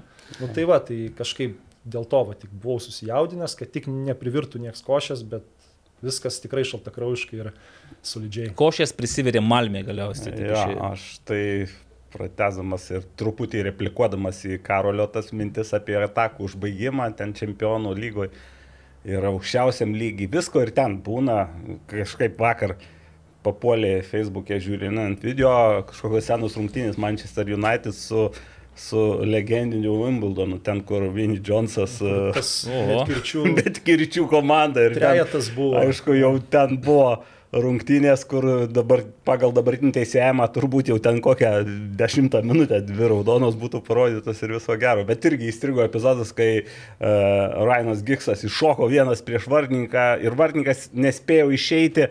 Nu, Vartai visi septyni vienintelis ir iš visos jėgos, kaip į tą vartininką, kai kali nuo vartininko įvirpsta ir nu, tokių progų būna. Tai, tai kaip pasakėjai, kad e, ir žalgerio jo buvo sprendimai. Taip, tas įvartis antras gal, sakykime, nelogiškas, bet ten buvo žalgeris labai patiko, kad daug tokių E, Ypač po pirmo įvarčio, kai jau pasijautė, kad Malmė iš vis pradėjo degti užpakaliai, e, daug tokių aštrių išpolių e, Žalgiris atliko ir gal įmušė ne ten, kur turėjo įmušti, bet galėjo e, galbūt kitur įmušė. Ir jau tas iš tikrųjų jausmas buvo, kad, kad, kad nepaliai Žalgiris e, jau po pirmo pasiektų įvarčio. Kitas e, dalykas, į ką mes gal, nežinau, retai kalbame, bet e, ir mes dažnai sakome, kad žalgeris, e, nu, komplektacijos e, lygis Lietuvoje su niekuo nesulyginamas. Labai daug žaidėjų, lygiai verčių, bet aš pagalvoju, kaip yra sunku komandoje išlaikyti, kad tie žaidėjai turėtų nu, tokį alkanumą žaidimui, kad neįsižeistų. Tas pats Miličkovičius, jisgi negavo daug žaidybinio laiko. Jis Tas sezono pats- pradžioj pasirodė, o po to buvo Tas pats mantas kuklys dabar irgi. Ir toks Tadičius ten dar. e, Ir, Tai Mikoliūnas, pavyzdžiui, dabar irgi ant Taip, Mikoliūnas. Ir, ir vėl susiveda vis tik tai, sakyčiau, Vladimiro Čiabūrino darbą, metodiką ir kaip jisai, na, sugeba, sugeba kažkaip sulibdyti tokias, sakykime taip, asmenybės, kai kurias, kurie, matym pagal filmą, kurie iš pradžių net nesupranta, kas čia per treneris. Labai geras buvo ir Richardo Beniušio ten ir Paulius Jekelis dar pa, paantrino e, komentaras, kaip jis reagavo į, į pirmas Vladimiro Čiabūrino treniruotės. E, Ir kaip po to. e, Dar labai gražus epizodas, aš tai čia tokio iš Facebook'o, Ivano Kardumo suduvos vartininko sveikinimas ir, ir, ir, ir iš tikrųjų ten visi laurai atiduodami čia būrinui. Nu, o- pačios tos rungtynės, tai man pasirodė, matėt, kaip Vladimiras plovą vyrė. Dabar čia. Mačiau, kad vyrė, bet kaip nemačiau. Pažiūrėk. Tai, Gerai virė plovą. 20 minučių, bet... aš- 20 minučių žiūrėti, kaip verda plovą. Taip, Nu, taip, okei, bet čia- žinok, aš tas 20 minučių, tai po to pagavau save su šypsena veide. Aš žiūriu, kaip jis verda plovą, kaip jis pasakoja ir man akise stojas, kaip jis treniruojas. Tai va, kaip jis treniruotės veda. Ir tą malmę, tai jis taip išvirė, kaip sakė, reikia įkaitintų aliejų uždaryti, kad sultys liktaivas malbę taip ir suvystė. Uždarė. ir iš- Padarė tokį plovą, kur jokiam taškento turgui Jo. gėdos. Tai, e, e, tai vienin, vienas dalykas, kas jungia, aš tikiu, kad tas plovas buvo skanus, pavyzdžiui, beje, tam gerbiamam Rimvidui, nes manau, kad jis ten ragavo tą plovą, nes buvo pasakyta. Ir ką reiškia, kai žmogus mėgaujasi ir mėgsta tą darbą, tai tą jis daro virdamas plovą, tą jis daro ir treniruodamas. Jo, mes kalbėjome apie tai praėjusiu laidoje, koks bus planas ir irgi tada kažkaip mintis buvo tokia, kad gal nebus didelių pokyčių. Matėme, kad iš vis pokyčių nebuvo realiai. Tai čia Būrinas yra e, ir keitimais, iš esmės jau matome tuos nuspėjamus keitimus, bet e, viskas suveikė tobulai. Aišku, Malmė gal, dabar galvoju, taip, nu vis tiek, tu nematai Malmės žaidžiančios prieš tai, tu aš pasižiūrėjau tik tai tas kelias e, jų santraukas rungtynių su Vikinguru, nesuprasti, kas ten vyksta, nu atrodė, kad e, Nu, nė- nėra gerai ten. Nėra gerai. Nėra taip. gerai. Ir matome, kad su Žalgiriu apskritai ten jiems nieko nesigavo. Prieš Žalgirio tą žaidimo planą, prieš kontratakas, prieš gynybą, beje, gynyba irgi puikiai. Antrose rungtynėse, e, kaip aš žiūrėjau tas rungtynės, aš tuo metu žaidžiau Vasaros pūlo lygoje. St- Saugojau vartus, taip sakant, laikiau vartus, kad nepragriūtų jie. Už nugaros sėdėjo Aurimas Budraitis ir stebėjo transliaciją. Ir jis man vis, vis man vis komentuodavo, kokį Gertmanas patraukė, o koks čia smūgis, o dabar čia baudo, galvoju, šakės čia spaudžia tikriausiai, lipa čia jau, e, neatsilaikys Žalgiris. Ir po kažkurio laiko sako, o žiūrėk, sako, vienas nulis. Sakau, Nu vėl, praleidom. Ne, sako, va, o jie vūsi įmušė įvartį. Ir paskui aš pasižiūrėjau tas rungtynės pats jau, tik kad tenais aš nepastebėjau nei kažkokio ypatingo spaudimo. Ten buvo tolimi smūgiai. Tolimi smūgiai. Neblogi tolimi smūgiai, bet dar kartą. Bet jūs skaitykim, kad tokios e, tvarkingos, drausmingos ir, na, paškai, e, varžovams dovanų nesuteikiančios g- žalgerio gynybos aš senokai nebuvau matęs. Tai viskas super, viskas gerai. Tos rungtynės dabar jau yra istorija, labai džiugi, pozityvi, nu, fantastinė istorija. Turime, kaip ir sakome, dabar komandą, kuri žais kažkuriame Europos taurių e, turnyre, grupėse, dar šešerios rungtynės rugsėjį, spalį ir lapkritį, bet rytoj Norvegijos čempionai ir, kaip sakai, trečią kartą iš eilės Aš to pirmo karto net nežinau, tas pirmas e, 20 metais iš vienerių rungtynių žaidžiant e, stadione uždarame, tas covidinis sezonas toks, aš Bet tada- nelabai net atsimenu, kaip ten viskas vyko. ta Būdė prasme. buvo žalgirių specialistai, nes Kauno žalgirį išnešė Ir dar nemenkai išnešė. nemenkai. Ir dažnai kas tada darbodė buvo, jie tą sezoną išgyveno kažkokį irgi savo tą tapsmą iš, iš pilko jančiuko į gulbę, nes taip. jie ten šlavė visus. Norvegijoje. Mhm. Taip.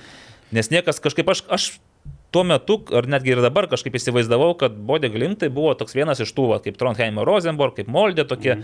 futbolo, Norvegijos futbolo tokie ramščiai, fa fa favoritai, tokie fundamentas. Nevelnio pasirodo, kad tenai šiaip iki, iki tų 20-19 metų sezono. jie- 11 vietą jau. Taip, jie buvo tokie, netgi balsuodavo tarp iškritimo į žemesnę lygą, jie ten pabūdavo aukštesniai. Ir kaip jie transformavosi, kaip jie pasikeitė su, ten, aišku, treneriai, tokie, kaip suprantu, sutapo, atėjo geri specialistai, jų filosofija, žaidėjų atranka ir visa kita. Nu, sakykime, turbūt panašus kaip Suduvos skrydis ant, ant, ant tris, tris metus karaliavo Lietuvos futbole. Tai Susiję su treneriu susijęs atėjimu Su ir- treneriu, su matyti ir su, aišku, Personalą žaidėjų ir sukrito, Personalą taip. žaidėjai, taip. Tai čia viskas, kaip sakoma, į vieną tą. Ir jo, būdė, ir dabar man tokia mintis, kad jau gal tokia galbūt teikiant. Pasiekė savo Gal jau apogėjų pasiekė, vis tiek būna ciklai. Ir šiek tiek, šiek tiek, nes e, paprastai būna, kai alkani kitaip žaidžia, negu jau kaip kažką pasiekė. Plus, aišku, ir žaidėjų, išsi, kai kas išvažiavo, užsirekomendavo. Na ir, ir, ir, ir jau pernai buvo rungtynės, jau, jau netoks didelis skirtumas buvo, vėl gal šiek tiek prieartėjo komandos. Tai 2-2 Vilniuje. Ten iš tikrųjų aš pasižiūrėjau santrauką tų rungtynių, kur buvo, tai pirmam kelnyje žalgriečiai iš tikrųjų dominavo aikštėje. Ten pagal tą santrauką tu matai, kad tas vienas įvartis, kurį pelnė ten pradžioj, tai jų turėjo būti ir daugiau. Bet kaip ir sakai, vakaroliai, va, pernai trūko to Tadičiaus užbaigimo, Silvestro Jakobo, kuriam irgi tada daug kreditų davė, daug pasitikėjimo suteikė čia būrinas. Ir man tik tai apmaudu, kad aš nežinau, ar gal pažiapstoju, bet kur yra tikslo link ta šeštoji serija. Tai buvo plovas, man atrodo, vietoje. Tai va, aš, aš laukiu, nes čia turėtų būti būdės jau ta, ta serija, bet matyt kažkaip perdėliojo Rimvidas Čekavičius. Nu, irgi matyti tam tikri šamaniški ritualai Jo. ir, ir perdė. Ir vėl, jeigu grįšime į pernai, Žalgeris e, prie visų Malmės problemų pernai pralaimėjo silpnesniai komandai, turiu omeny Mūrai, negu šimet yra Malmė. Jo, nu čia kaip pa- pamačius tai, kas dėjosi su Mūra žaidžiant e, Vilniuje, tai tiesiog Aš galvoju taip, jau ir pernai Žalgeris turėjo žaisti konferencijų lygoje. Ta prasme, tai nebūtų kažkoks stebuklas, jeigu būtų pernai žaidę. Tik tiek, kad šiemet jie irgi, aš įsivaizdavau, kad jų kelias galbūt vyks truputį kitaip. Nu, tarkim, tu pralaimi su Malme, paskui žaidėjau ten su Farerais, man atrodo, taip, kad tenais iš... Ar su Liuksem, ne. Na jau dabar. Jau ten nebesvarbu jo, bet vis tiek tavo kelias yra. Tai, uh, dabar bodė, nu, Karoli, pavyzdžiui, tu stebėjai, ką nors, kaip atrodo dabar bodė šį sezoną, Aš, kuo, jį, nu, kuo jis skiriasi nuo pernykščio varianto. Tokį irgi įžangą padaryti, tai aišku, man teko ir, ir komentuotas rungtynės 2020 metais, tai tada žaidė Cinkernagelis, Haugė, vienas, nu, Cinkernagelis Danas išvyko į Angliją, Haugė į Milaną po to ir, nu, būtent buvo ten tokių ryškių žaidėjų, bet dar prie tai 20 metai dar, ne? Jo, kokie penki nu. geri futbolininkai, bet baudė tada žalgyrį toks Viktoras Bonifeisas, kuris praeitais metais dėl traumas beveik nežaidė, jis yra maždaug kaip Teremo Mofio Stoto, nu ir iš esmės toks panašus stiprus devintas numeris. Ir žalgyris tada jam nu, nusileido, nes žaidė startę tada Tatumirovičius ir nu, iš esmės nu, nespėdavo paskui šį stiprų žaidėją, kuris beje žais ir, ir nu, da, dabar žais. Tai tada buvo Malmo stipresnė, pačiame Zenitė, skinė Bodė. pergalės, atsiprašau, Bodo Glimtas. Mes jau Malmę nurašėme. E. Turėjo labai pakankamai 15 taškų pranašumų, man atrodo, lai- laimėjo Norvegijos čempionatą, tuos du žaidėjus pardavė, bet liko ir praėjusiais metais gerų žaidėjų, bet Žalgiris tada, realiai tas prisiminus pirmas rungtynės, tenai jas išsprendė vienas žaidėjas, tai Ulrikas Saltnesas, kapitonas, kuris, na, man keista, kodėl niekur dar neišvažiuoja, ten galiau 8-9 metų žaidžia, žais jisai ir, ir rytoj. Ir jeigu netėjo ten du puikūs smūgiai, manau, kad ten situacija galėjo būti visai kitokia, nes tada jau Glimtas nebuvo toks stiprus.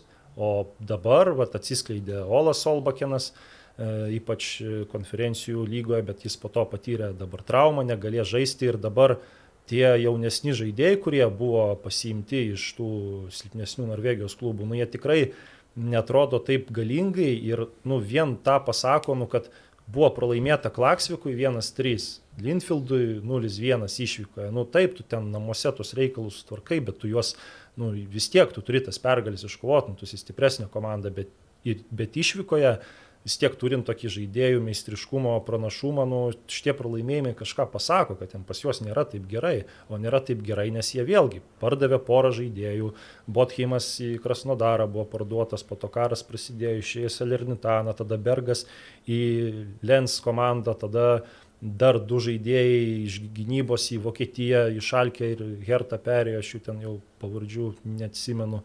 Tai, nu, tikrai komanda yra gerokai, nu, bent jau pavardžių atžvilgių susilpnėjus ir aš manau, kad dabar tikrai yra puikus šansas įveikti šį barjerą ir sakyčiau, kad jeigu Žalgiris e, išvykoje nu, nepralaimės daugiau nei vienu įvarčiu, aš manau, kad nu, spėčiau lygesias, tai manau, kad nu, namuose tikrai turėtų būti vienokiu ar kitokiu būdu iškota pergalė, nes na, tas Malmo žaidimas ir vietiniam fronte, atsiprašau, Glim žaidimas ir vietiniam fronte jau netoks komanda trečia, dabar trečioje vietoje buvo ir dar žemiau, nes dabar tik tai keturias ar penkias jau išėlės pergalės iškovojusi.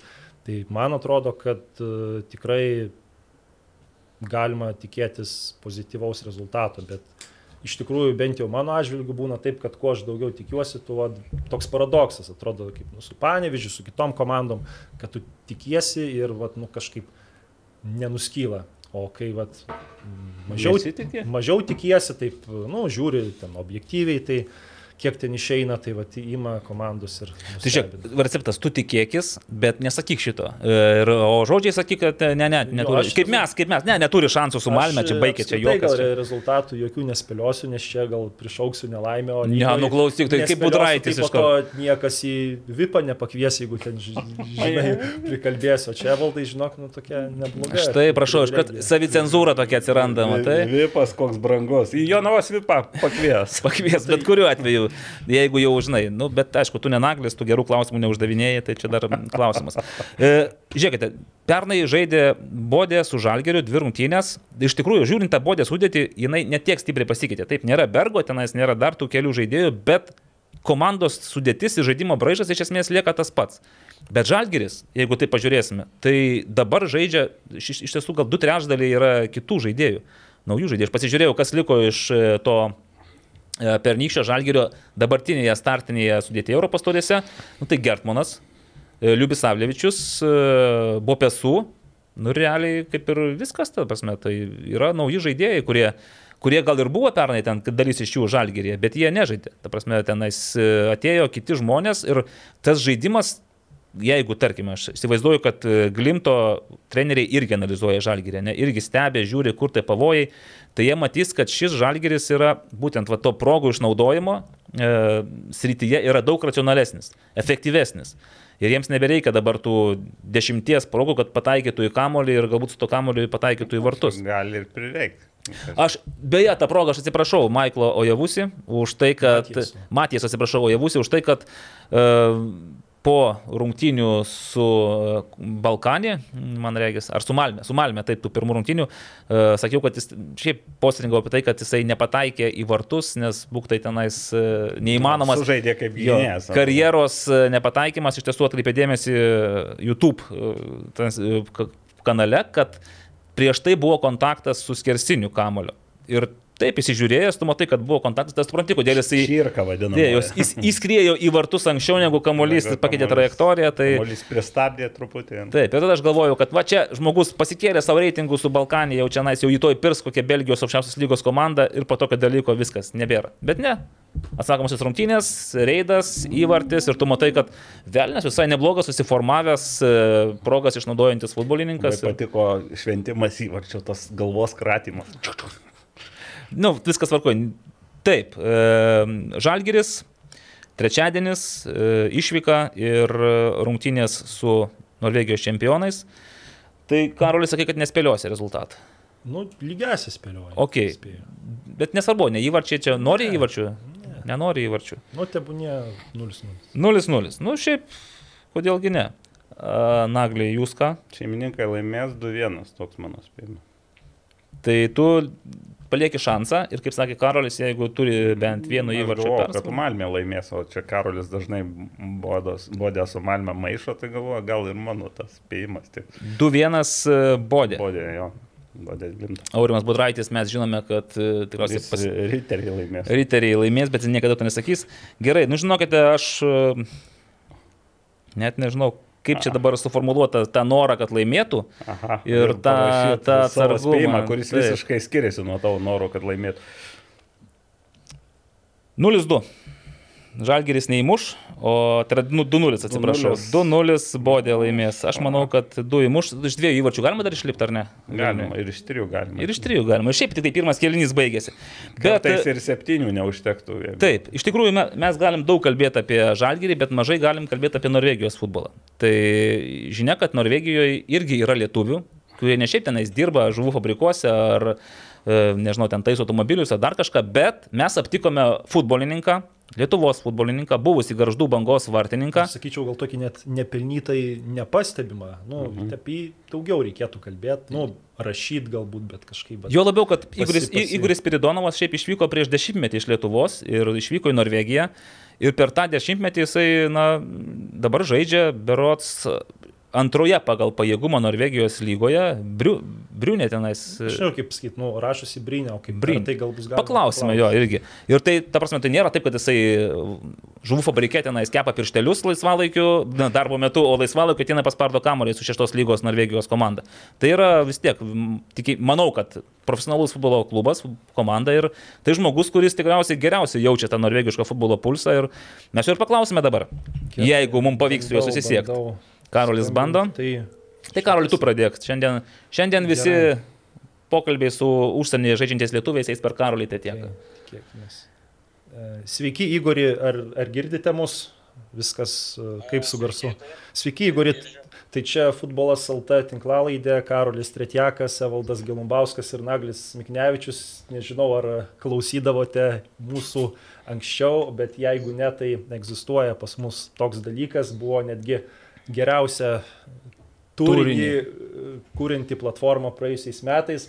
Tai žodžiu, dabar norime, galbūt pirmiausia būtų įdomu sužinoti, ką galbūt e, pati Norvegijos spauda arba futbolo žmonės kalba apie tą trečiąjį Žalgirio ir Glimt ekipos susitikimą, kaip jie žiūri į tai, kad Žalgiris nugalėjo jau du varžovus čempionų lygos atrankoje. A, Bandžiau ieškoti kažką apie šias rungtynės, bet kažkaip didžiausias laikraštis, kur viską ten rašo apie sportą, tai dabar nieko šiaip neradau didelio straipsnio apie šitą dvikovą. Gal vėliau šiandien kažkas bus, nes rungtynės tik rytoj. Bet šiaip, manau, labai įdomios rungtynės bus ir jo, visi, ir kuri palaiko ir Būdo Glimt, ir šiaip norvegišką futbolą, tai tikrai žiūrės šias rungtynės. Ir a, jo, ir tikėsis, kad a, Būdo Glimt žengs a, toliau. Bet aišku, niekas nenuvertins dabar Žalgirio, ypač kai praėjo Malmo, kur visi turbūt tikėjusi, kad a, Malbo lengvai laimės, bet gavosi kaip gavosi. Tai tikrai dabar būdo glimt e, atsargiau žiūrės į šias varžybas. Mhm. E, Igori, gal dar irgi toks būtų klausimas iš, iš manęs, po to perduosiu kolegoms. Na, man taip iš šono atrodo, kad esate gal kiek toks e, nepelnytai nepastebimas bent jau Lietuvoje, Lietuvos spaudoje. Ir mano klausimas būtų toks, nu, patys žinome ir turbūt žinote, kad į Norvegijos tas žemesnės, trečią, ketvirtą lygą at, atvažiuoja tikrai kartais pakankamai nemažai lietuvių ir kartais, kartais jie žaidžia vienoje komandoje, bet kol kas būtent jums pavyko su trečios lygos komanda gerai pasirodyti ir patekti į antrą lygą. Tai čia jūsų nuomonė čia būtų kaip sutapimas, ar patekote į gerą komandą, nes bent jau man asmeniškai tas Brinė klubas E, Gal dar pasakysite, kaip reikia iš, jį ištarti, iš esmės asocijuojasi su tuo, kad karjerą ten pradėjo tik tai Erlingas Holandas, bet daugiau, nu, taip vat, e, apie tai nieko nesako, tai gal tada gali dar taip trumpai pasakyti, kuo jūs vat išsiskiriate tame lietuvių kontekste ir kaip vat taip e, pasisekė e, pakilti į antrą lygą būtent Norvegijos.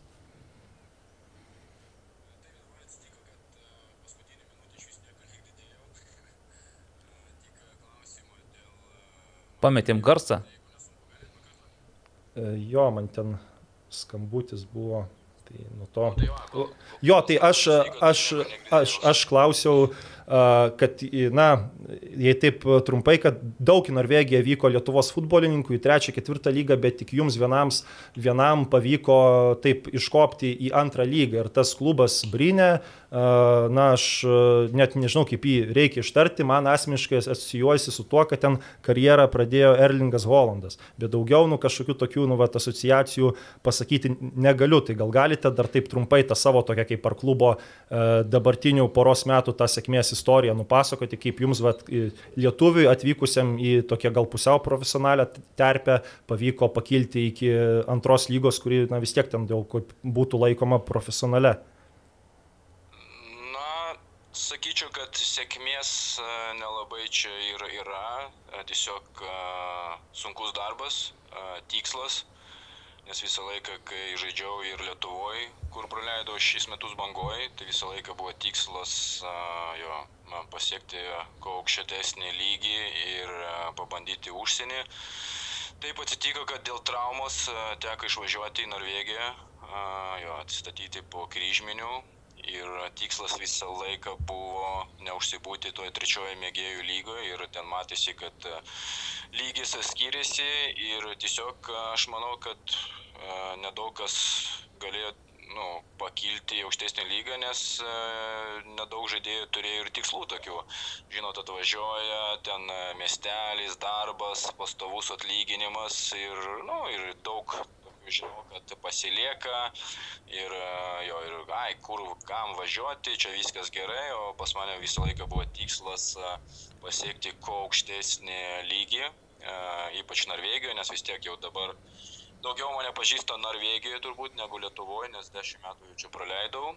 Ir tiesiog jo, sunkiai dirbau, gerai žaidžiau visur, visą laiką buvau pagrindinis vartininkas ir kažkaip savo darbu, į savo lygių žmonės pradėjo kalbėti, kažkaip ryšiai, ryšiai atsirado ir žingsnis po žingsnį ir taip atsidūriau Bryniai, kur dabar penktą sezoną žaidžiu ir dabar dar pasirašiau kontraktą dar kitiems metams. Tai mažiausiai 6-7 metus praleisiu Bryniai, ką jau irgi nemažai rodo, kad uh, sunku atvažiuoti uh, užsieniečių, ypač iš Lietuvos, kai nelabai irgi čia Norvegija mano, kad e, Lietuva yra tokia futbolo šalis. Tai jo, tai sakau, čia turbūt uh, sunkus darbas, tikslas ir, na, nu, gal truputį, aišku, sėkmės, bet uh, nemanau, kad čia daug buvo sėkmės, kad dabar žaidžiu tokiam lygiai, kur, kur esu. Mhm. Tuoj, tuoj perduodu. Taip, mes Igoriu labą dieną, per, perdodam į stafetę karštąją uh, liniją, karštąjį ragelį. Tai, Igori, laba diena, klausimas toks, e, šiek tiek grįžtant prie e, Bodė Glimt ir Žalgerio.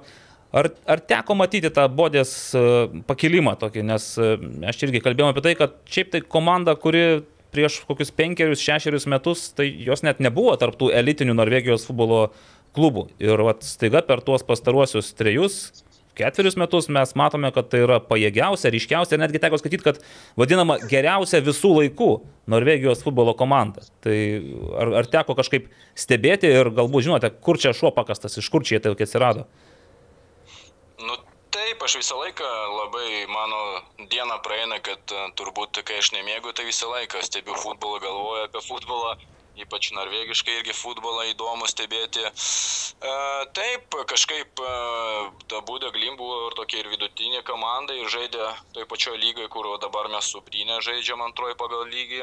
Ir paskui kažkaip jie šovė taip. E, turbūt atėjo naujas treneris, nauja strategija, e, nugalėtojo mentalitetas atsirado ir žingsnis po žingsnio pradėjo kilti ir va, 19 metais jie antrą vietą užėmė, dabar du metus išėlės e, laimė čempionatą. Už praeitais metais ten iš viso, man atrodo, skirtumas buvo 20 taškų tarp pirmos, antros vietos. Tai manau, kad jie tiesiog gerai dirba su žaidėjais, e, vietiniai, jeigu pažiūrėti sudėti, tai daug e, vietinių jaunų žaidėjų, kurie sezoną du atlošė už būdą, paskui va, parduodami į Italiją, Ispaniją, Tai manau ir e, futbolo stilius, e, man atrodo, kiek e, mačiau varžybų skiriasi nuo vietinių komandų, kad kitas toks fizinis žaidimas, kaip sakoma, ten mūšį kamuolį į priekį ir kavojo, o būdo, man atrodo, toks miksas tarp klopo gvardiolos, kur bando žaisti nuo vartininko, laiko kamuolį, jeigu pasižiūrėti kontrolė, tai visą laiką būdo žaidžia su kamulio, viską su, e, kūrė nuo, nuo vartininko. Tai labai įdomu e, žiūrėti, ypač kai galvoja, o čia norvegiškas futbolas, bet kai pasižiūri varžybas arba bent apžvalgas, kaip įmuša, kūrė šansus, tai šiaip jau labai įdomu stebėti komandą. Taip, man kiek teko dar ir skaityti šiek tiek apie juos, tai labai akcentuojama, kad jų treniruočio intensyvumas yra toks aukštas, kad būtų dar aukštesnis negu kad rungtynių intensyvumas. Ir jie stengiasi, bent jau treneriai stengiasi sukurti kuo sudėtingesnės sąlygas treniruotėse, kad paskui rungtynių metu jau žaidėjai automatiškai primėtų sprendimus. Bet čia tikriausiai, nu čia sėkmybė kiekvienam, e, kiekvienam normaliam futbolo klubui, futbolo komandai, kad tu paruoštum treniruotėse savo žaidėjus tam, kad efektyviausiai išpildytum tuos reikalavimus rungtynėse. E, dabar. Taip, dabar, jo. Dabar nežinau kaip Lietuvoje, aišku, kai, kai aš jau dešimt metų nežaidžiau ten Lietuvoje, nes mano laikais, kai žaidžiau, tai viskas buvo ten treniruotės, pasirašymas be kamulio lakstai, o skirtumas Norvegijoje, kad e, viską, viską daro su kamuoliais, pradedant nuo apšilimo iki pabaigos viską daro su kamuoliais, tai jo, nieko čia tokio man įdomaus, kad labai intensyvios treniruotės ir kaip tik praeitą savaitę buvo jaunas žaidėjas iš Būdo Glimt pas mus peržiūro gynėjas, tai jo biški pasikalbėjau su juo. Tai sakau, tai ko ten skiriasi mūsų, pavyzdžiui, Brinio komanda ir Būdo Glimt. Sako, nu jo, aišku, ir žaidėjų meistriškumas, bet ir viskas tas tempas, kaip vyksta treniruotėse. Tai labai, va, sako, didelis skirtumas yra. Ok. Tai šį sezoną, dabar vis tiek mes čia irgi, Karolis paminėjo, kad na, čempionų lygos atrankoje Glimt leido savo netgi pralaimėti du kartus ir, ir, Klaksvik, ir Vikingūrui, ne, Klaksvikui, taip, Klaksvikui ir, ir Linfieldui. Ir Linfieldui, taip. Tai ne, netrodo, kad tai būtų ta visus traiškanti mašina ar ten kažkoks ne, nepažeidžiamas žvėris. Regis, kad šį sezoną gal ir Žalgris ir turi šansą užsikabinti. Na, e, jeigu šiaip pasižiūrėti, jo pralaimėjo, bet uh, vis dėlto antras, uh, antras varžybas viską padaro, uh, ką jiems reikalinga ir praeina į kitą etapą, bet jeigu šiaip pasižiūrėti statistiką, tai jie siaubingai pradėjo sezoną, šiemet ypač uh, ten po pirmų, aš nežinau, ten dešimt varžybų, tai jie ten vos ne vidury lentelės buvo, tai toks gal nuoslidis buvo, bet uh, vis tiek jie laimėjo du sezonus iš eilės, praeitais metais va kiek e, toli e, nužygiavo konferencijos lygoje. Tai netgi, netgi šiais metais jie dar žaidė, nes man atrodo ketvirtfinalį juos sustabdė Roma, tai jie dar šiais metais dar žaidė atkrintamuose. Jo, netgi šiemet, tai aš galvočiau, kad irgi uh, ten ne robotai žaidžia, tai gal jėgų biški pritrūko, bet uh, tikrai uh, negalvoju, kad uh, jie išeis ir uh, lengvai leis kažką žalgeriui daryti, bet uh, Taip pasižiūriu, aišku, į žalgerį sudėti dabar. Nelabai aš ten, aišku, stebiu Lietuvos futbolą, tik e, banga kaip sekasi. Bet, e, va, pasižiūrėjau, tai tik vienas lietuvis e, ir tai vartininkas, o kiti užsieniečiai. Tai nežinau, kiek čia, aišku, ten lygis skirsis. Bet gal užsikabins žalgeris, bet irgi būtų glimt žaidžia ant dirbtinos dangos.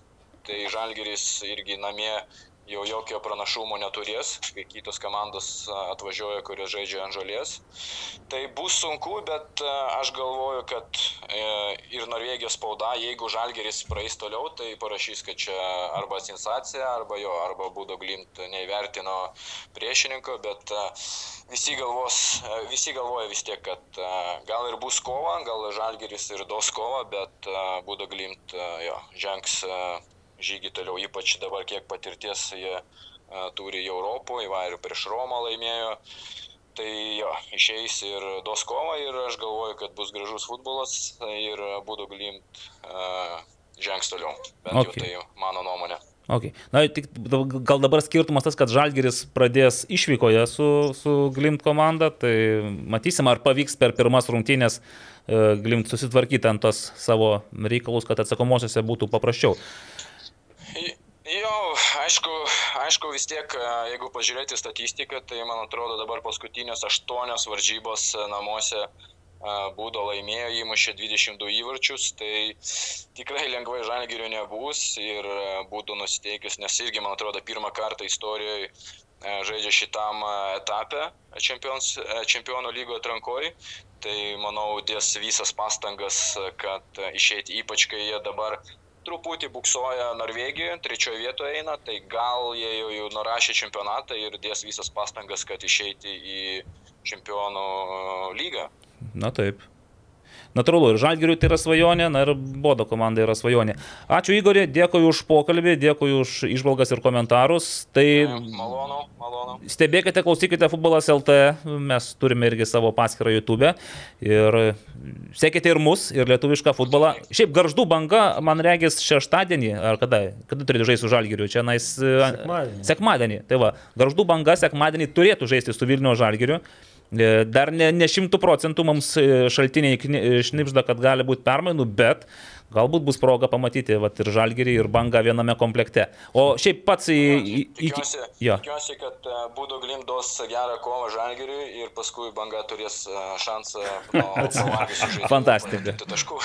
Gerai, gerai, Igorį, dėkui tada dar kartą ir sėkmės pačiam, sėkmės geros karjeros ir gerų futbolų, futbolo metų Norvegijoje. Ir e, tikėsimės gero futbolo rytoj. Ok, ačiū. Iki, iki. O taip pat, Igoris Piridonovas, o, sudaužiau tavo, Karolį, dabaigiau tavo tą telefoną. Igoris Piridonovas, štai, žmogus prieš e, gerą dešimtmetį išvykęs. Man tiesiog keista, kad išvyko su trauma į Norvegiją atsistatyti po, po traumos. Tai toks jausmas, kad aš vyko ten tiesiog šiaip jau pa- pažaista futbolą, gal mėgėjiškai labiau, kad... Nu, bet užsikabino ir ką, ką jis ir sakė, e, ir turbūt, kad dažnas yra, kad kodėl tiek mažai, už tai, kad jo, pripranta žmonės prie saliginai lengva, geresnių. Nėra ten lengva dirbti, bet e, gauni užmokestį ir jau įpranti, o rizikuoti tai yra rizika. Tai yra išeiti iš komforto zonos, siekti kažko daugiau nei, nei, nei turi. Tai Tai, ten yra vat, važiavę irgi futbolininkai lietuviai, nu, sutaupo ant mašinos ar ant kažko ir jau galima, Nu ir tai- galima grįžti į Lietuvą. Kaip, realiai, tai aš irgi taip pat važiavau į Norvegiją mėnesį padirbėti, bet aš taupiau kelionėms. Tai irgi ten užsidirbau, bet nieko neprasivežiau, nes paskui po tą pačią Norvegiją keliavome ir kai pakeliauji po Norvegiją, tu realiai dar grįžti. ne, nu tai jis Tuščiom kišenėm. vis tik nežagarė. Nežagarė, taip. Na ir laikai buvo kitokie. E, žiūrėk, na šiaip faina su, su Igoriu, bet supratau, kad jisai e, blaiviai, racionaliai žiūrėdamas Taip, iš tos daugiau- norvegiškos daugiau- perspektyvos. m, Daugiau, daugiau duoda šansų būdė, kas yra logiška. E, Aš galvoju dar tas, e, kiek daug davė žinomumas būdės glimtų, net tos dvikovos su Roma. Ir pergalių buvo. Taip, 6-1 tam pirmame grupė etape jie Taip, sužaidė. Ir, ir, ir, ir, ir jau. į tą- 6-1 Mourinho komanda nunešė. Ir ir vieną laimėjo, laimėjo, po to 0-4. Taip, tai Italijoje jau ko- kokį gerą žinomumą turi tas klubas. Tai jie, man atrodo, po pirmų metų, kai su Milanu sužaidė, irgi tenais nusipelnė pagirų. Taip. Bet e, faktas, taip, Roma tapo Europos konferencijų lygos nugalėtoje tą sezoną ir, man atrodo, Bodė Glimt yra vienintelė komanda, kuris sugebėjo iš Romos atimti per ketverias rungtynės ten daugiau taškų negu prarado realiai. Tai čia, žinot, irgi, nu, puikus pasiekimas, tik tai, va, tą patį ir Igoris pasakė, kad panašu, kad tai turi savo kainą. Mhm. Nes tu vis tiek, rudenį tu, tu žaidži dvi, dvigubą etapų. Tu pradedi pasirengimą anksčiau ir Irgi jie turėjo aštuntfinalį, turėjo su Glasgow Celtic, man atrodo, netgi šešioliktinį su Glasgow, su Glasgow Celtic, paskui dar, dar vienas e, etapas. Ir tada jau tik tai ketvirtfinalį juos sustabdė e, AS Roma. Tai Ir dar ką jis tikrai va, teisingai pasakė, kad nu, tas irgi klubas Alkanas, jisgi buvo prieš tai su Kauno Žalgiriu ir Žalgiriu žaidė, ten buvo net, net čempionų lyga, praėjusiais metais žaidė čempionų lygos atrankoje, bet pirmame etape prieš Legiją iškrito, dabar jie vat, nu, Taip, gali... nežaidė. Taip, Žinai, dabar jie sako, o, Žalgiris. Žalgiris. Ne, nu tuos tai... Jiems istorinis šansas. Taip, nes jie, tu laimi, tu Europos lygoje realiai. Viskas, tu Europos lyga, tai jau, tai jau ne konferencijų lyga, nors pagal pinigus, šiaip pasižiūrėjus, tai didesnio tokio ypatingo skirtumo tarp Europos ir konferencijų lygos nėra. Prestižas didesnis, kaip, kaip bežiūrėjau. Taip, ir gausi, aišku, ir varžovus potencialiai gausi jau įdomesnius ir spalvingesnius ir su didesnė reputacija. Bet be abejo, visi žiūri čempionų lygą.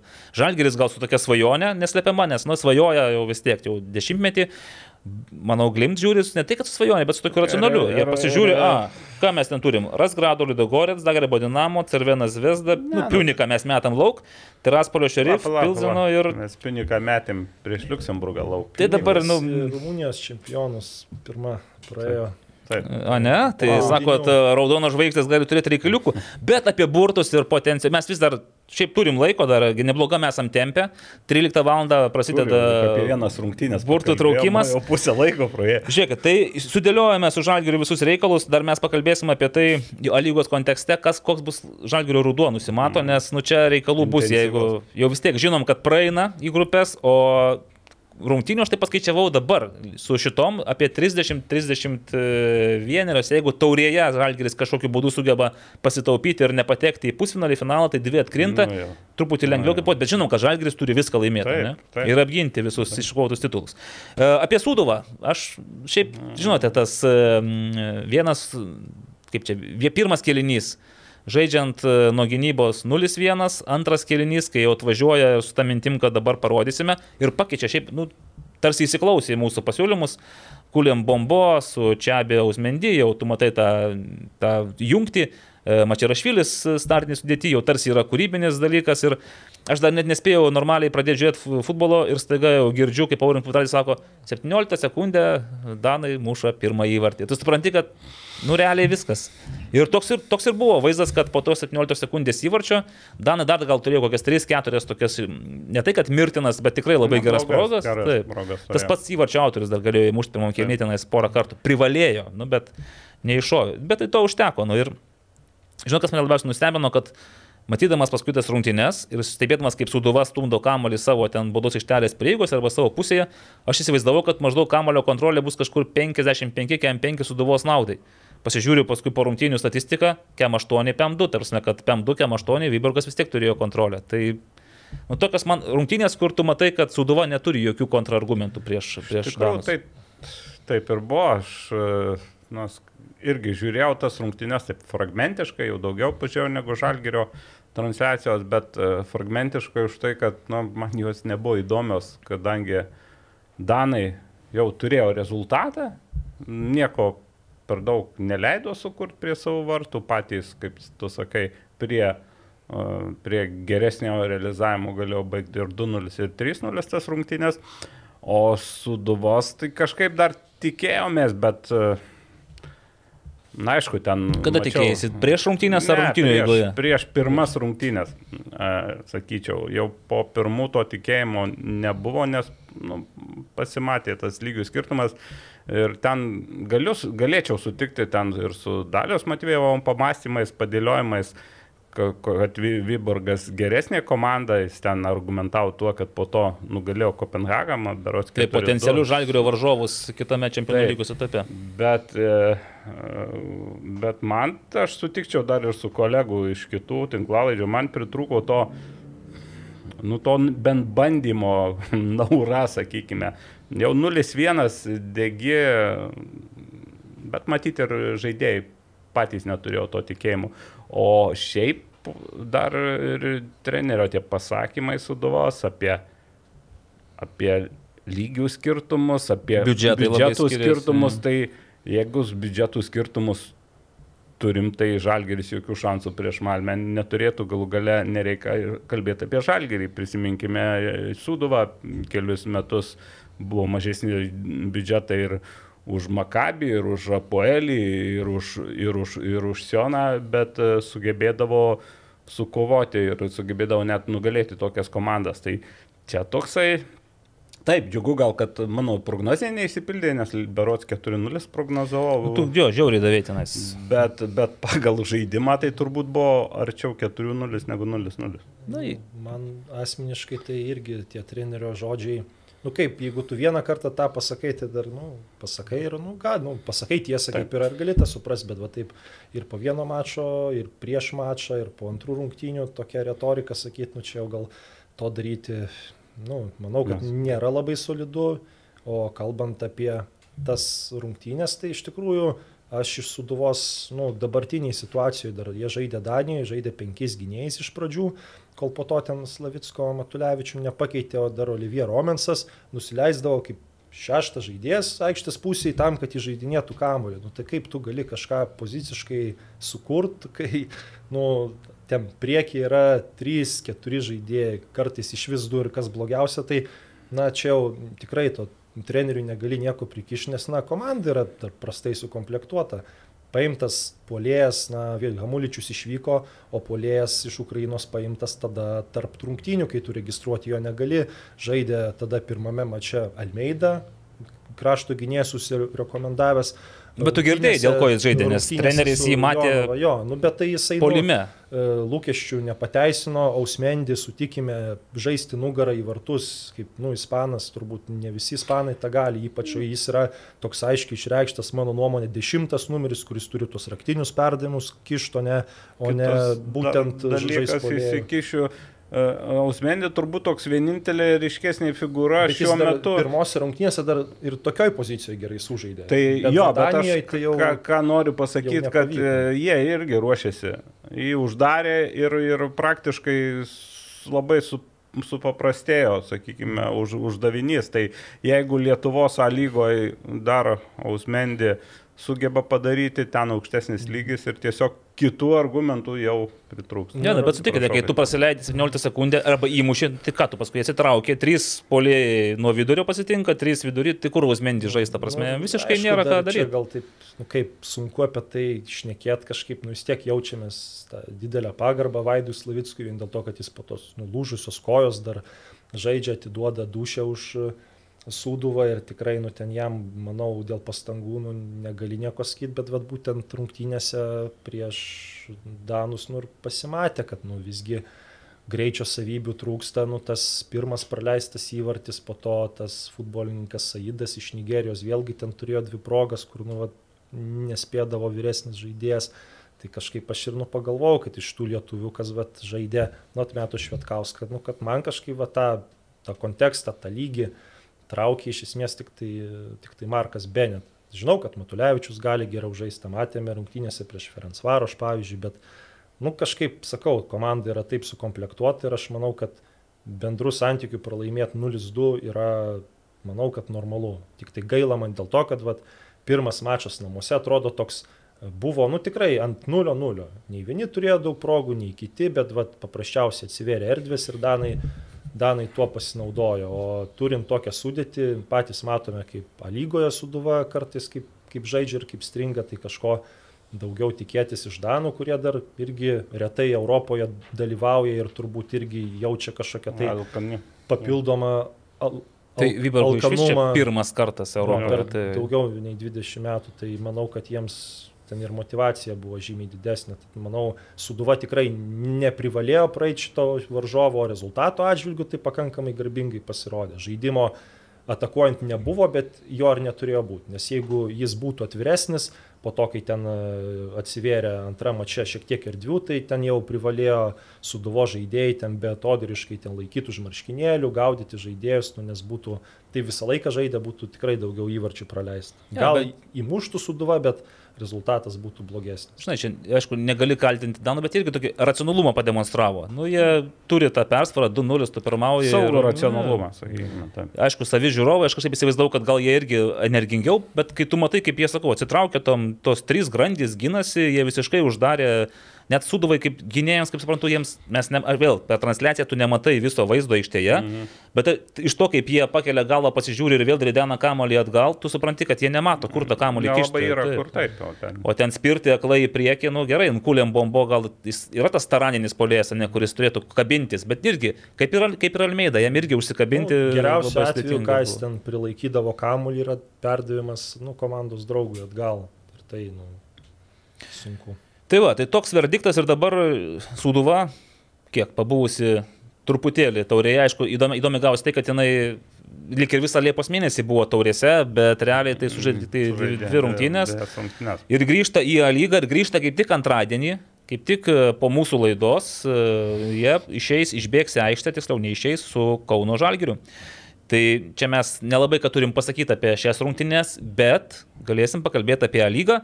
Bet prieš tai, gerbimieji, aš norėčiau jums dar paskaityti šiek tiek reklamos. O, Galvoju, kad savo eilių tikriausiai, ne kaip padainuot kažką iš karališkos erdvės repertuaro. Taip. E, Norėčiau apie VAD Electrical.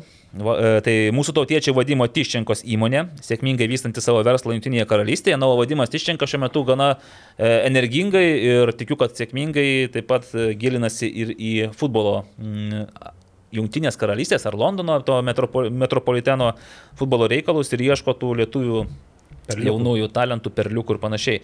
Tai va, o jo įmonė sėkmingai vysto verslą Junktinėje karalystėje ir vis dar planuoja žengti į Lietuvos rinką. Na, planuoja, neplanuoja, mes patį vadimą ir paklausim, kai jis bus čia. Su VAD Electrical jūs būsite ramus dėl savo namų. Nuo paprastų mažų darbų, kaip lemputės pakeitimas, iki pilno namų elektros įvedimo. VAD Electrical tai futbolui nebejinga kompanija. Tai va prie Westfrost, prie Sibet yra ir VAD Electrical ir yra dar Darvco UK. Bet aš apie juos paskaitysiu dar truputėlį vėliau. Toks segmentas apie Suduvą, manau, kad nėra čia ką labai daug šnekėti. Tikiu, Darius Matvėjevas gal dar išpreparuos Suduvą ir su Marim taip, Nors taip, irgi, ar yra dabar, ar yra iš tikrųjų reikalas tai nu, gal, daryti? Nes... gal, gal jau Europa, Europa nepreparuos, man įdomu.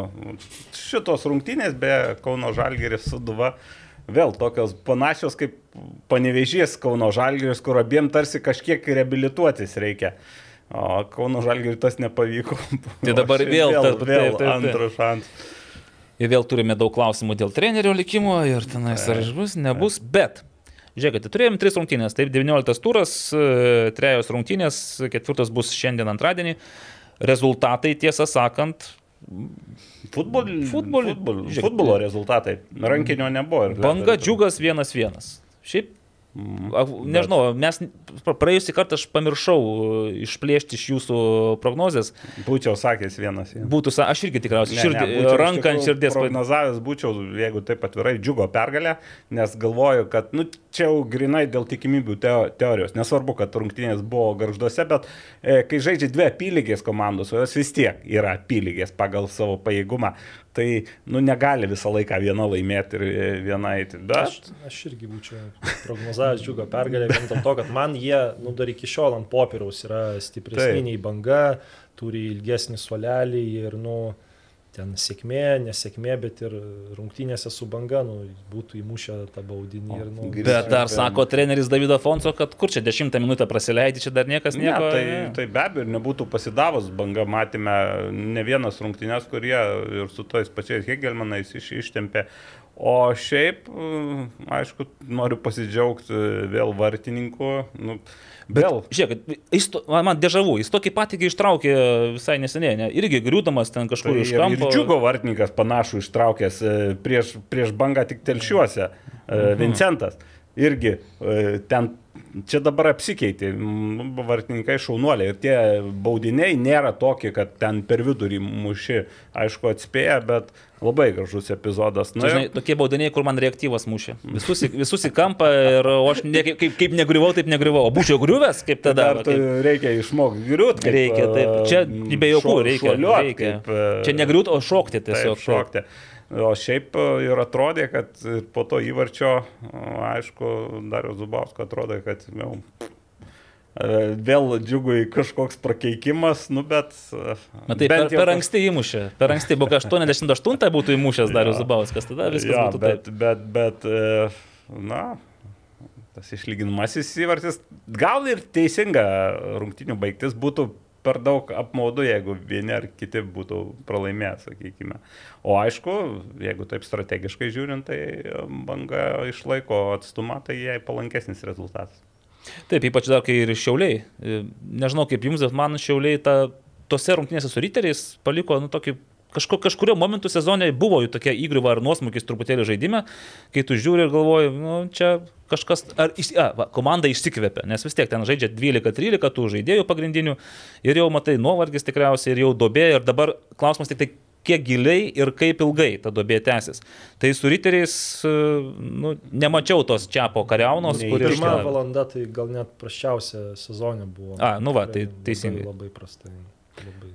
Tai kodėl, pavyzdžiui, kodėl manote, čia nais Gal šiauliai jau išsėmė savo ten tą ne, gal sėkmės taurę? Vėl nėra tas šiauliai, jie sužaidė tikrai gerų rungtynių, bet jie nėra tokio lygio, kad jie yra jau dabar Lietuvos grandai. Paprasčiausia, kiekviena. Tai aš jau juos ketvirtukė beveik jau buvau. Jau Tai jie dar, dar matom, kad dar ne.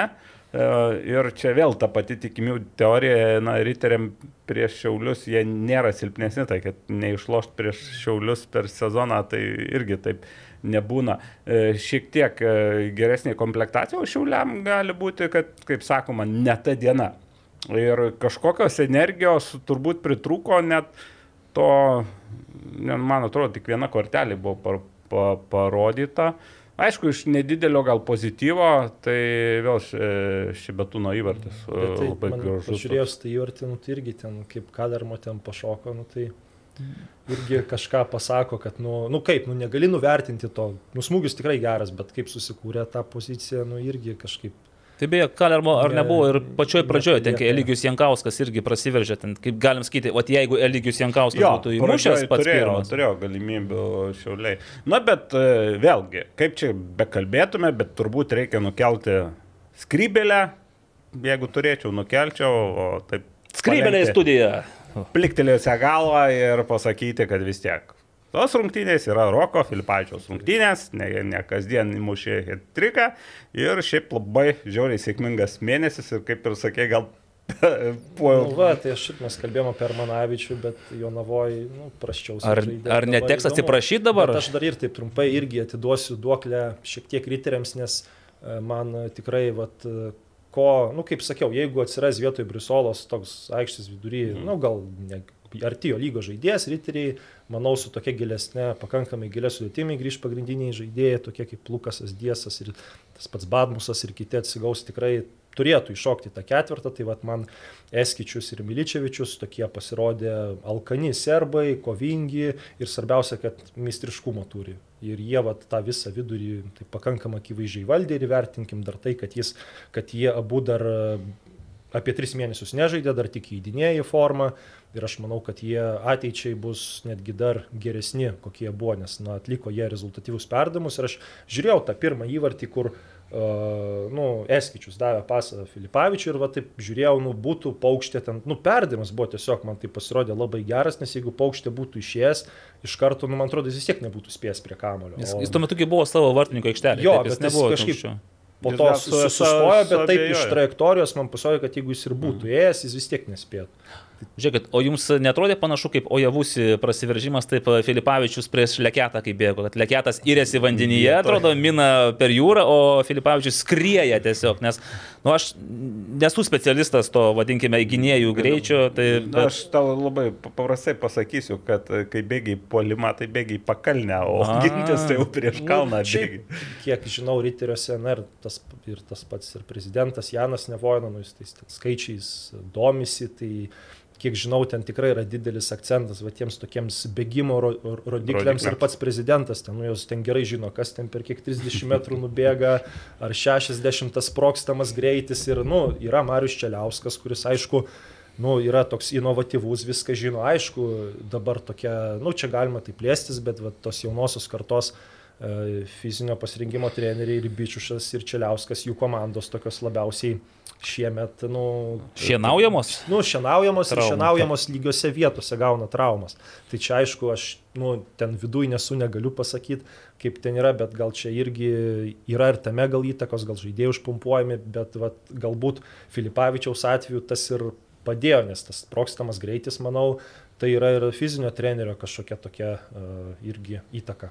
Mes paties Roko ir paklausim, tikiuosi, nes treniruotė jam jau baigėsi ir galėsim paskambinti. Dar tiesiog prieš pokalbį su Roku, Jonava Hegelman, e, stebėjau transliaciją ir po to stebėjau Europos moterų čempionato finalą. Kovingumo Tai, tai žinokit, ką mačiau moterų tam finale, tai vis dėlto Jonava su Hegelman yra pavėsėje tenais. e, Pavėsė. Jeigu taip reikėtų rinktis, aš tikrai dar dešimt kartų stebėčiau geriau moterų Tai taurės. Ir žinai. ne dėl to, kad ten po įvarčio šventimas būna įspūdingas, bet tiesiog va, tas, Man tas patinka, kaip žaidimas. marškinėlius nusirengia. Nu, aš va, prašau. Aišku, aišku, žiūrovų vienur buvo 87 tūkstančiai, kitur 87 turbūt. Skaičiai. Tai čia toks skaičius buvo, ne? Ne, atrodo, nežinau, gal. Oficialiai buvo 150. 150. Nu, kažkur, kažkur tiek ir buvo. Gerai, gerai. A, Nu, bet 0-1, žiūrėkit, Jonava, nu, Na, aišku, bet... kita nulis- Jonava, matom, kita Jo, Jonava. ne? šiaip e, 0-1, bet vėl mm, 10 minutę atrodo įvartį pelnė man. Fantastinis įvartis, žinau, bet Bet jau- žiūrėjau ir negalėjau atsistebėti, kur visi gynėjai O, dingo. o netkreipė dėmesį Nojas Tankievičius po, po įvarčio žiūri, e, nes jis kitą zoną dengia, e, žiūri, nu iš tikrųjų ir jis nustebęs, kur gynėjai, nes mm. prie Manto Fridriko 5 metrų atstumu buvo dar gal vienas. Jis ten galėjo sustabdyti, galėjo dar pamojuoti kameras tikriausiai. Ten atrodo, kad pirmą kelnį, kad, nu, dar būtų turbūt įmušę, naudoja vieną jo. galimybę ir atrodo viskas. Ir iš standartinių situacijų, nes, nu, ten klampė aikštė, tas pozicinis Taip. žaidimas netaip sekęs, bet Jonavos gynyba pirmame kilnėje nuo standartų, nu, tai atrodo, kad tu net tyčia taip prastai negalėtum padaryti. Bet e, vėl lietus tas pradėjo, dar sustiprėjo, jis turbūt visas rungtynės e, praktiškai lyja.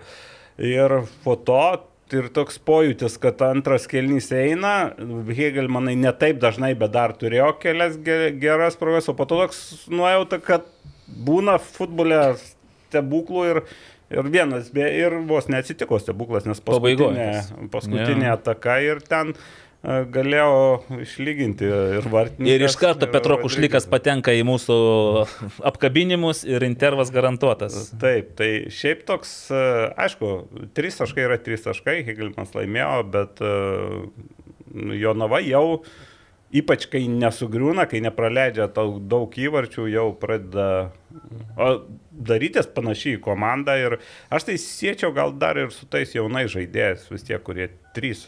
Tri, Na taip, iš jų jau jie tikrai žinai, kad jie visada bus taip. motivuoti, visada stengsis, bet jo nava dar sustipresnis, ten vieno ukrainiečio nespėjo užregistruoti ir irgi ten. Petro, Kaip ten sakyti, žaidėjai? Velikalė. Velikalė. Ne, tai va jisai tą kategoriją, manau, patenka.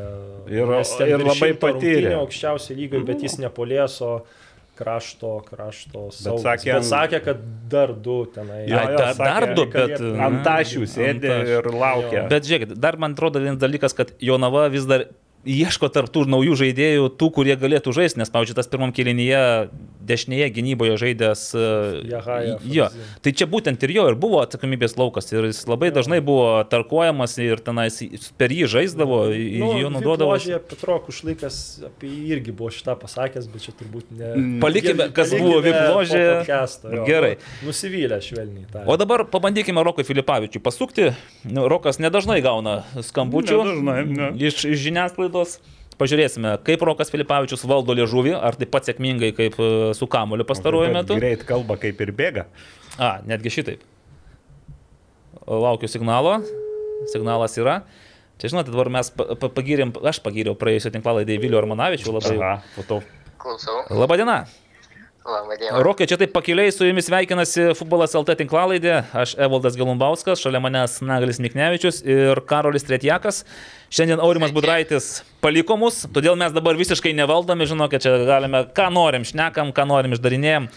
Tai, e, Rokai, visų pirma, sveikinam su fantastiniu mėnesiu. E, ir čia mes pas, nepasitarę nusprendėm, kad Liepos naudingiausias lygo žaidėjas tai yra Riterių įvarčių mašina Rokas Filipavičius. Ką jūs į tai? O Nežinau, ne. Nu, šiaip labai malonu, jeigu tai būtų, jeigu jūs taip nusprendėt, tai man malonu, kad toks įvertinimas, bet šiaip jo, šis mėnuo Liepos tai toks buvo įspūdingas atžvilgiu mano tikrai tokio neturėjau dar per karjerą, tai va toks mano pirmas mėnesis, tikrai džiaugiuosi labai už jį. Tai iš karto stačiai klausimas, tai kas čia nutiko? Kodėl? O, pavyzdžiui, Karolis sako, tai gal čia Marius Čeliauskas e, taip išmustravo, kad, sako, nuo vidurio startas, Rokas Leketas ten atsilikęs per 5 metrus, kapstosi į, į kalną, o pats atrodo, kad į pakalnės kodį tenais tai vartimušt. Nu, nežinau, šiaip manau, čia visų nuopelnas yra tiek Čeliausko, nu, pradedant nuo visų daktarų trenerių ir žaidėjai čia. Visi man padeda ir manau, va, rezultatą galim matyti aikštai. Taip, bet, bet Rokai, bet įmušti reikia pačiam vis tiek. Ir iki šiol aš pasižiūrėjau statistiką, nu, prisipažinsiu, karts nuo karto užmetu, tai, nu, nebuvo tokio įvarčių srauto, net, net per sezoną, ten berots buvo pernai, taip, du įvarčiai tenais, nu, toks, nu, labiau, kad tie įvarčiai būdavo uh, vienetiniai atvejai, ne taip kaip šį Liepos mėnesį šeši iš karto. Tai ką? Jo, nu, va, nežinau, va, čia dabar toks gal, aš visada aš jaučiu, kad aš tikrai turiu tą užbaigimą ir aš galiu gerai užbaiginėti atakas, tik va, man visą laiką to trukdavo atsidurti tuo momentu, kai, va, ar tarkim skersas, ar tiesiog viens prieš vieną išbėgti, to trukdavo, kad atsidurti toj vietai. O dabar, va, sakau, nežinau, kažkaip gal taip paprasčiau, taip užtikrinčiau sužaidžiu ir va atsiduriu tose vietose ir nežinau, va, gaunas Mhm. Nu, su šiauliai žiūrint, tai tenais nebuvo taip, kad te reikia pastatyti koją ir e, nukreipti kamolį į tinklą, nes ir pirmas įvartis išsiveržimas vienas prieš vieną, nu, toks labai ramus, paridentas į kampą, taip nepatogiai vartininkui. Antras įvartis tai iš vis atrodė, kad čia šiaip turėtų būti traukiamas, bet, nu, smūgis į, į kamputį. Ir trečias, kur jau paukštė padovanojo, matyt, nusprendė patikrinti e, refleksus. O su Luku šiaip gerai sutarėte, e, nepadėkojot po rungtinių. Mm, Nenorėjau jo erzinti, mačiau, kad piktas buvo, tai sakau, geriau ramybėj paliks. Jo, bet. Bet tas užbaigimas, nu, jis vis tiek jau rodo, kad tai yra ir pasitikėjimas savimi, ir, ir sugebėjimai išpildyti tas Ne, situacijas. tai žinoma, vis tiek, va, tu įmuši du įvarčius ir tu, tu vis tiek jauti tą tokį pasitikėjimą. Ne tik, iš komandos, bet ir jau tu pats jauti, kad tu gali ir dar vieną, ir dar vieną muštą. Tai čia toks, tas tik su, su tau, kaip nežinau, palengvina tą gyvenimą ir tu, tu atrodo gali viską padaryti. Okay. Kai Gytis Paulauskas nepaliko kamulio ir smūgiavo virš vartų, kažką pasakėt jam dar, nes aš jau mačiau ketvirtį, jau mačiau pokerį ateinantį. Aš jau, aš jau planavau, kaip džiaugsiuos tą ketvirtą muždamas. Nu, prašiau palik kamulio, nepaliko. Nepaliko. Bent, bent jau atsiprašė. A, nu va, irgi gerai. E, Rokai, mes praėjusiai tinklalaidį, prisipažinsiu, su Vilimu Armanavičium panašiai irgi kalbėjome ir jau vadinom jį ir mėnesio MVP, ir tenais jam kabinome geriausio Lietuvoje žaidžiančio futbolininko laurus po sezono. Vilius mus ramino, sakė, neskubėkit, sezonas dar tik įpusėjo, dar visko bus. Na va, tai dabar paties sezonas, nu atrodo, pramušėt, e, pramušėt stogą, dabar jau čia jau, ar be gali būti geriau? Tai va, ar gali būti dar geriau? Aš manau, kad visada gali būti geriau. Čia nereikia ties to sustoti, jeigu yra kažkokios ambicijos žaisti aukščiau, geresniam lygiai, tai čia ties šituo tu negali sustoti, tu turi tik eiti ir eiti toliau, tobulėti. Čia tau, tau tik kaip suteikia, kaip čia pasakyti, už tą darbą, kad va, tau tokie atlygį duoda ir kad tu jauti, kad va, dirbdamas tu, tau kažką paduoda gyvenimas. Tai manau, čia ties šituo negalim sustoti ir tik toliau dirbti ir, ir siekti dar geresnių rezultatų. Tai kur tie geresni rezultatai patį gali atvesti? Kur norėtum, pavyzdžiui, matyti save po sezono dviejų? Ar yra kokiu nors svajonių, planų, ambicijų? E, Svajonių yra daug, bet nežinau, gal svajonių, aš čia garsiai nesakysiu, noriu, kad tyliai. Tyliai sakykite, tyliai. Čia nelabai kas ir girdi mus. O šiaip nežinau, tiesiog e, norėčiau pabandyti save užsienį išmėginti. Aišku, tas užsienis nėra toks, kad e, tiesiog pasiūlys iš užsienio ir pirmą variantą imti. Tu turi vis tiek žiūrėti, kaip kas, ar, ar tave tenkina, gal, gal Lietuvai tau geriau pasiūlys. Tai čia tas užsienis nebūtinai yra, kad kažkas jau wow. Bet žinoma, norėčiau išmėginti, nežinau, gal dabar matau lietuviai mėgsta į Belgijas išvažiuoti, gal, A. gal pavyktų į Belgiją. Yra vienas jūsų bendraklubis e, išvažiavęs per Belgiją į Prancūziją, man atrodo, dabar tenais neblogai atrodo. Jo, jo. Tai būtų neblogai pakartoti kažką panašaus.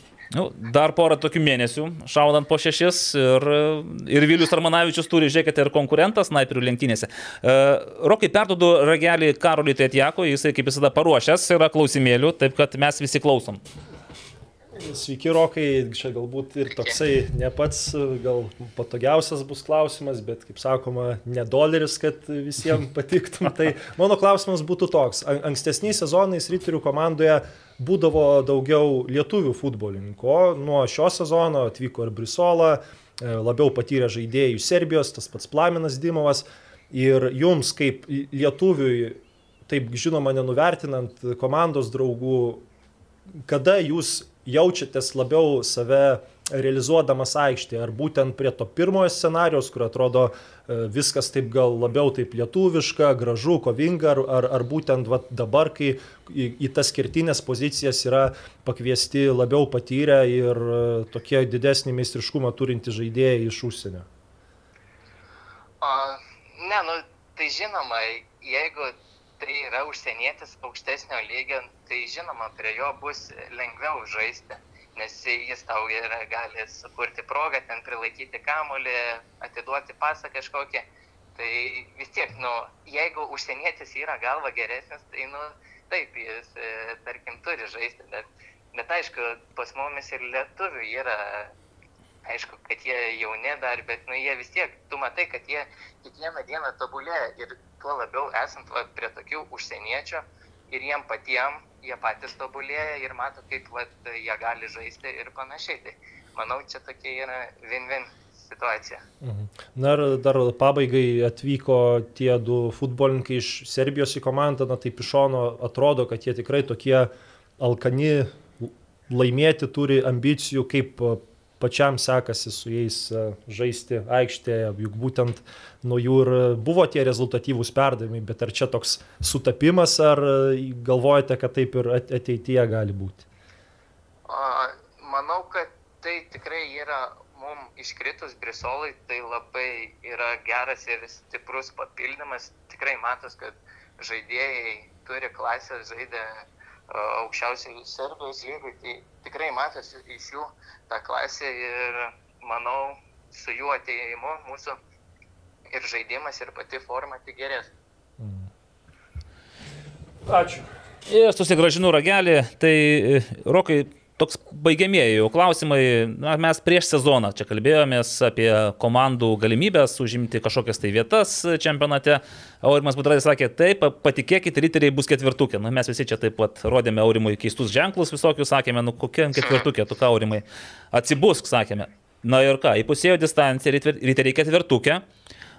Rokai, tai ar tiki, nu, aš suprantu, kad sunku dabar atsakyti kažkaip kitaip, bet vis dėlto, tai ko reikėtų riteriams, kad jie tame ketvirtukė ir išliktų? Nes šiaip yra komandų už nugarų alsuojančių tai ir norinčių į tą ketvirtuką įsiterpti.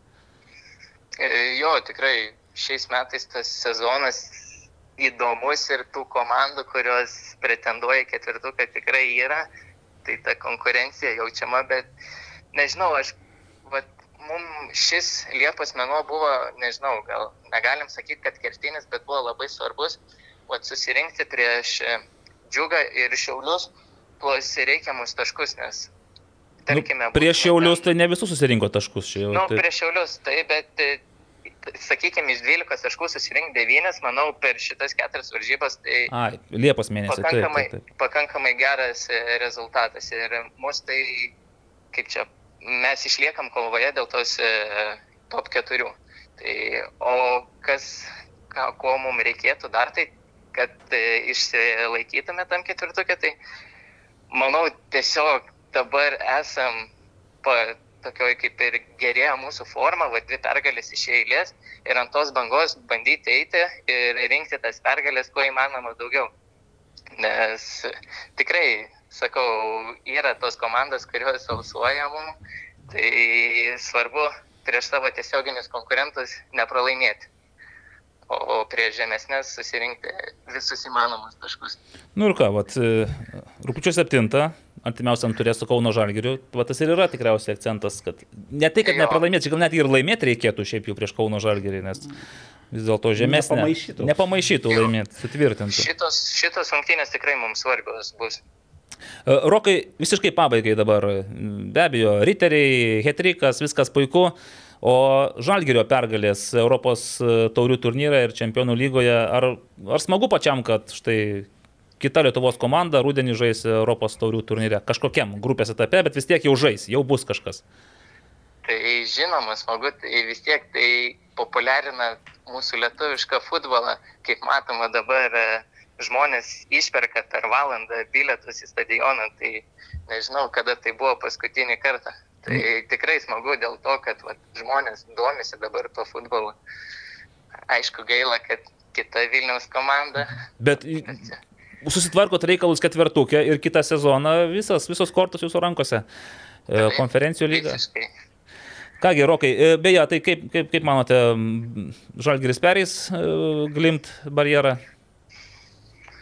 Uh, sakyčiau, šansai 50 ant 50. Tikrai dabar Žalgeris demonstruoja gerą futbolą ir manau visko gali būti. Diplomatiškas. Vat matosi, kad gerus trenerius turėjote. Dar, dar reikėjo pasakyti, kad kamuolys apvalus ir mes tada būtume pilnai patikėję, kad tikrai. Ačiū labai Rokai, dėkui už pokalbį. Nu ir tikrai linkime sėkmės ir likusioje sezono dalyje. Gal ne po šešis kas mėnesį, na, bet bent jau štampuoti tos įvačius toliau ir vesti ryterius į pergalės. Dėkui, dėkui. Ačiū už skambutį, sėkmės jums. Dėkui, viso geriausio. Na, va taip gerbėmėjai. Ir išklausėme dar vieną e, Lietuvos futbolo perliuką. Šiaip gražiai, man patiko. Labai. Mandagus. Ir, ir mandagus. Ir mandagus. va, taip. Iš tikrųjų, jaudinuosi, bet kuo toliau, tuo, tuo, tuo Jo, užtikrinčiau. aš tai irgi pasinaudosiu progą, nes kartais, nu, nu vat, būna kartais gaila, vat, kai kurių žaidėjų, kur vat, turi talentą, bet vat, Ką kažkaip, čia reiškia šitą? kažkaip nu, vat, nesugeba, nu, kažkaip nerealizuoja to. Tai vat, nu, tiesiog Artūras Dolžnikovas yra Ai, va tu čia apie tą. suspenduotas ir, talentą. vat, nu, Artūrai susijimk, nes, nu, tikrai turi daug talento ir norisi, kad jis būtų realizuotas futbolo aikštėje. Ypač kai taip pasižino pradžioje, taip tai... tokį gerą toną davė, Jo, vilčių jo, tai va suteikė. dėl to kažkaip labiausiai ir apmaudu, nes ten vieną kartą atleido, antrą, o kai bus toliau, nu... Bežiūrėk, Karoli, tai vieno problemos kitam gali būti visai Šansas. šansas, Nu, taip ir va, traumos, žinai, Rokui to Filipavičiui ir- sezono pradžia nieko nežadėjo gero, tiesą to sakant. vat ir džiugu, bet sakau, aš tai va asmeniškai gal taip irgi kreipiuosi šiek tiek viešai, bet per, per save, bet, nu, sakau, kažkaip norisi, kad va talentingas futbolininkas žaistų, žaistų ten, kur jam ir, ir vieta. Ok. Na, va, Anksčiau, kai supranti, kai būdavo kažkokie pažeidimai, ten režimo treniruočio, aš pat tai čia tokiais senesniais, gerokai laikais, tai e, netgi kolektyvas imdavosi auklėti ir būdavo paskiriamas toks e, tarsi Prievaizdas. vienas žmogus, jo, kuris laiduodavo už tai. tai Nu, čia jau Naglis labai senais laikais. O man tas iš karto, kad mūsų kolektyvė yra ir e, rimto futbolo mačiusių žmonių. Tai Karolis man priminė tą laiduotoją. Laiduoti. Gerbėmėjai, artėja burtų traukimo ceremonija, o mes vis dar rytamės tik tai link žiūrovų klausimų, bet aš tada mm, paspėliokim tos rezultatus, ką, kad paskui labai greitai. apie ką turėtume šnekėti. Karoli, tu irgi gali spėlioti. Gali sakyti. Jeigu neįleisi į VIPą, Įleisi, įleisi. į Jonavos lipa Ne, aš įleis, o jau. LPF, Gerai. Vipa, Gerai. tai manau, Evaldui visai. Uždaryta jau, nesakai. Net, Aš. net panevežiau. Spėlios. Gerai. Naglis, Šiauliai Hegelman. Naglis, putara. Pradedam Šiauliai Hegelman penktadienis 18 val. Šiauliuose. Šiauliai Hegelman. Nu ką, Ką? atsigaus šiauliai? Šebetūnas kala trajeką ir Ne, vieną ir šešplaukis. 1-0? Nu gerai, vienas vienas. Atsigau Šiauliai, Tai o 1-1. aš, e, Nu, tą patį būčiau sakęs, tai man dabar kaž, kažką. Ne, ne, tu gali, gali tą patį. jeigu tu tiki, kad, to pasakys, kad vat, nu, Ne, nu, maždaug... kad nieko jūs nesprantat, sakys Jo, Rokas, nu, kad Romas ne, tik šiandien. Naglis supranta, o tu vat, tik tai. Ne, Ne, ne. ne aš, aš irgi sakau vienas vienas. Nu, Okay, kas įmuš nesakysi, ne? Galiu pamanyti. Įmuš galbūt, nu, reikia kažką anksčiau. Šebetūnas. Eligius Jankauskas turi kažkada įmušti. Nu, jo. Hegelmanuose gal tada... Gal tada įmuš, Sisiai. įmuš Lazaras Saičičius. Gerai, o aš žinau, kad duodu, kad 1-2 ir Hegelmanai laimi ir jie toliau. Beje, pasveikinkim Hegelmanų su pirmąją vietą lygoje. Matėte, gal pas Sustok puslapyje yra lentelė. Taip, labai žavinga. taktiškai išimtos rungtynės sužaistos ir palikti tik taškai. Ir- tai po rungtynių irgi Valdas Knyzelis pasakė, kad greičiau iki jam Jo, jo, jo. O fan- ten e, tom žaistom rungtynėm tiesiog vietos toj lentelėj. Būna, čia maketavimo tokia. Taip. jo. E, Džiugas Jonava, o čia Jonavos šansas. Na, aš dar nenoriu jums nieko čia sakyti. Telšiuose žais. Telšiuose žais. Nu, dėja, du, gal net trys nulis. Neleisi Jonavai įmušti visai. Nu, Karoli, kažkaip aukok tą vipą. ri- Richardu Rodrygėzu tai kažkaip abejoji. Nu, aš kažkaip, kadangi girdės, kad pas Jonovą dar atvyks papildymas. Pabuvęs Jonavos Kažkoks-. Mm, daug girdėjęs. Aš spėčiau vienas vienas. Opa, ir Jonava gauna tašką.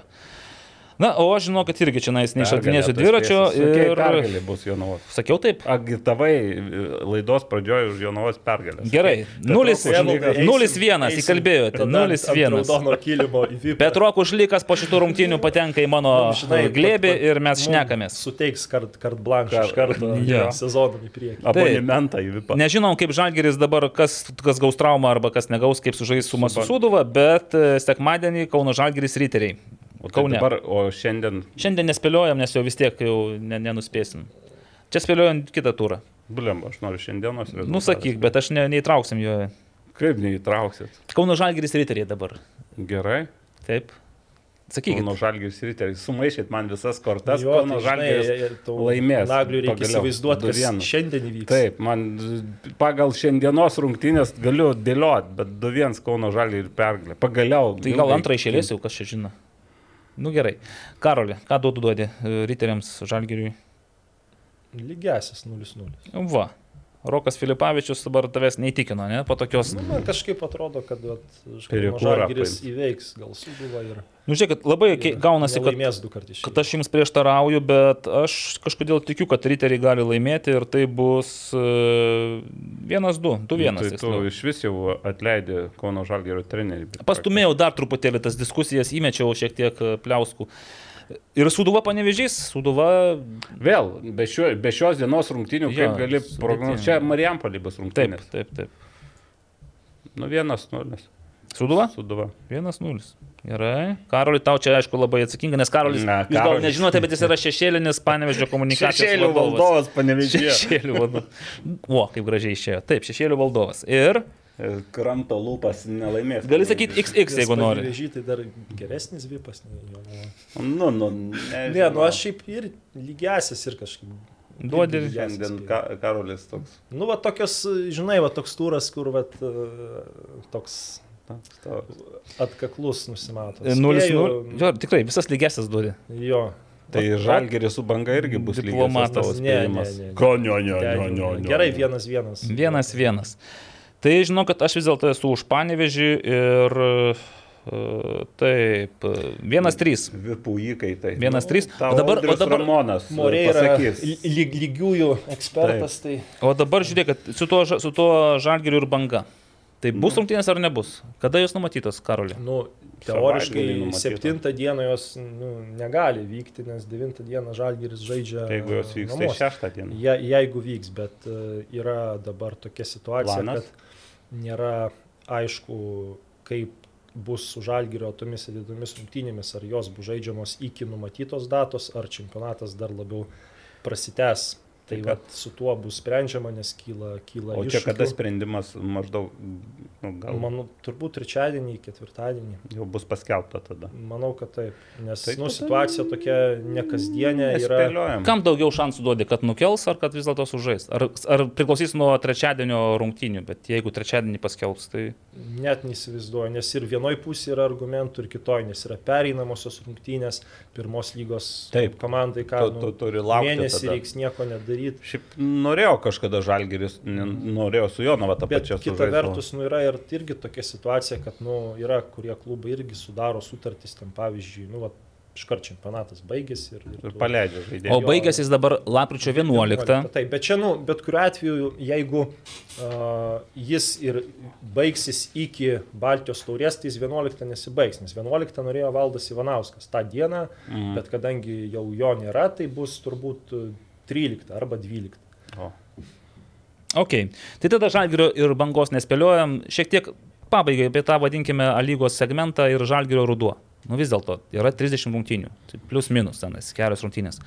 Ir turime dabar rūpjūtis, rugsėjas, rugsėjai savaitė yra skirta rinktiniai, 19-25, per tą savaitę galima, žalgeris teoriškai galėtų sužaisti, ne, tas bent dviejas kokias rungtynės, jeigu sutiktų varžovai. Ir jeigu jie tenais... Bet, aišku, tada turi būti ir nu, varžovai tie, kurie, kurių žaidėjų. e, Nu taip, tada jau čia reikia vėl Tų rinktis. žaidėjų, nu, kiek iš labai, labai daug ir nėra rinktinė iš klubų žaidėjų.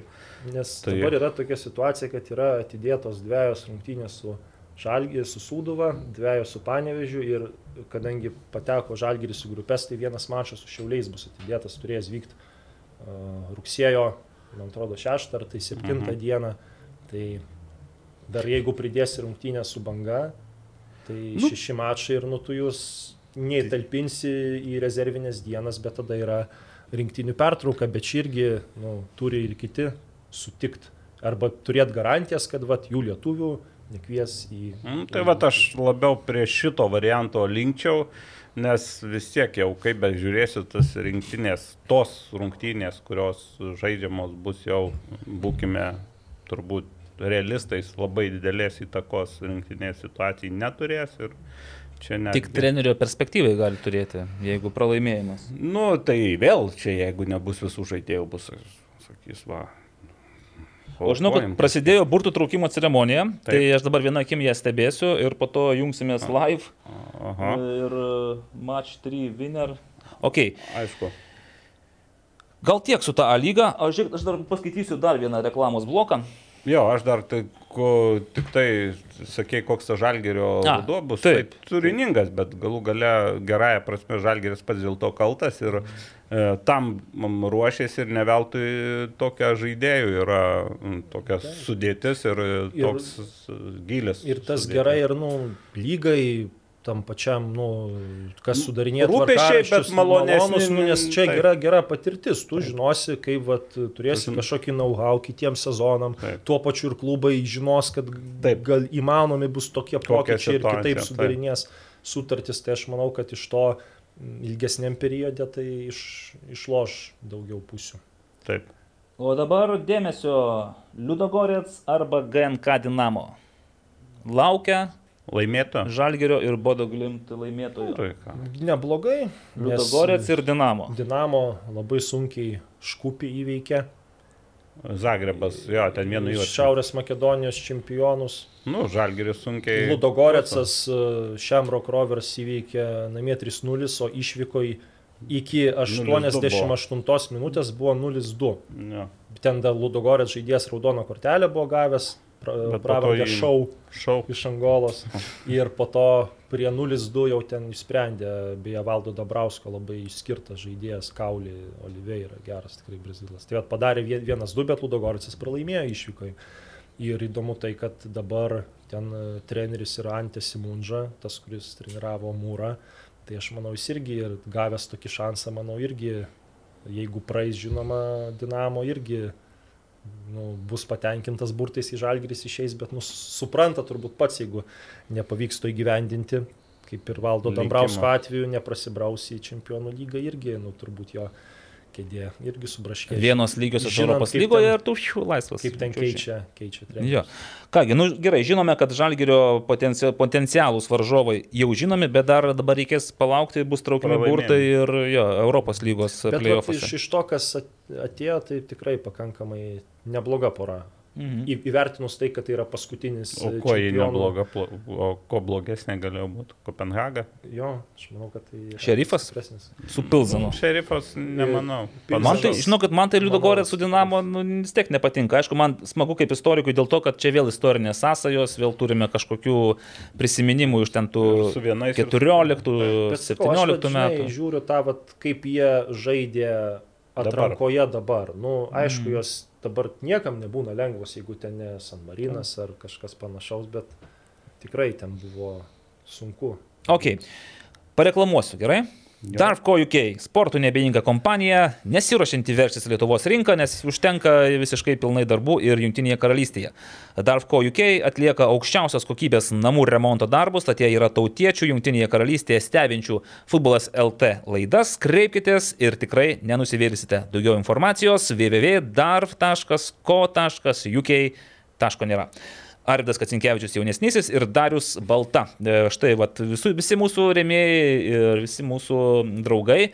Westfrost, Sibet, Darfco UK, Vade Electrical, Karolis Tritjakas, Naglis Miknevičius ir Aurimas Budraitis, kuris šiuo metu sėkmingai ieško talentų Barcelonoje. Barcelonoje, taip, perspektyvių jaunų talentingų žaidėjų. E, Gal patrupinkim truputėlį, kol dar turim šiek tiek laiko Batoną. Kol mūsų dar nevaro, o šiaip jau po truputį artėjom prie žiūrovų klausimų, žinau, kad ir jų yra nemažai. Tai aš pradėsiu trupinti batoną nuo Baltijos moterų futbolo lygos naujienų. O naujienos yra tokios, kad MFA Žalgeris e, neišvyko į Estiją.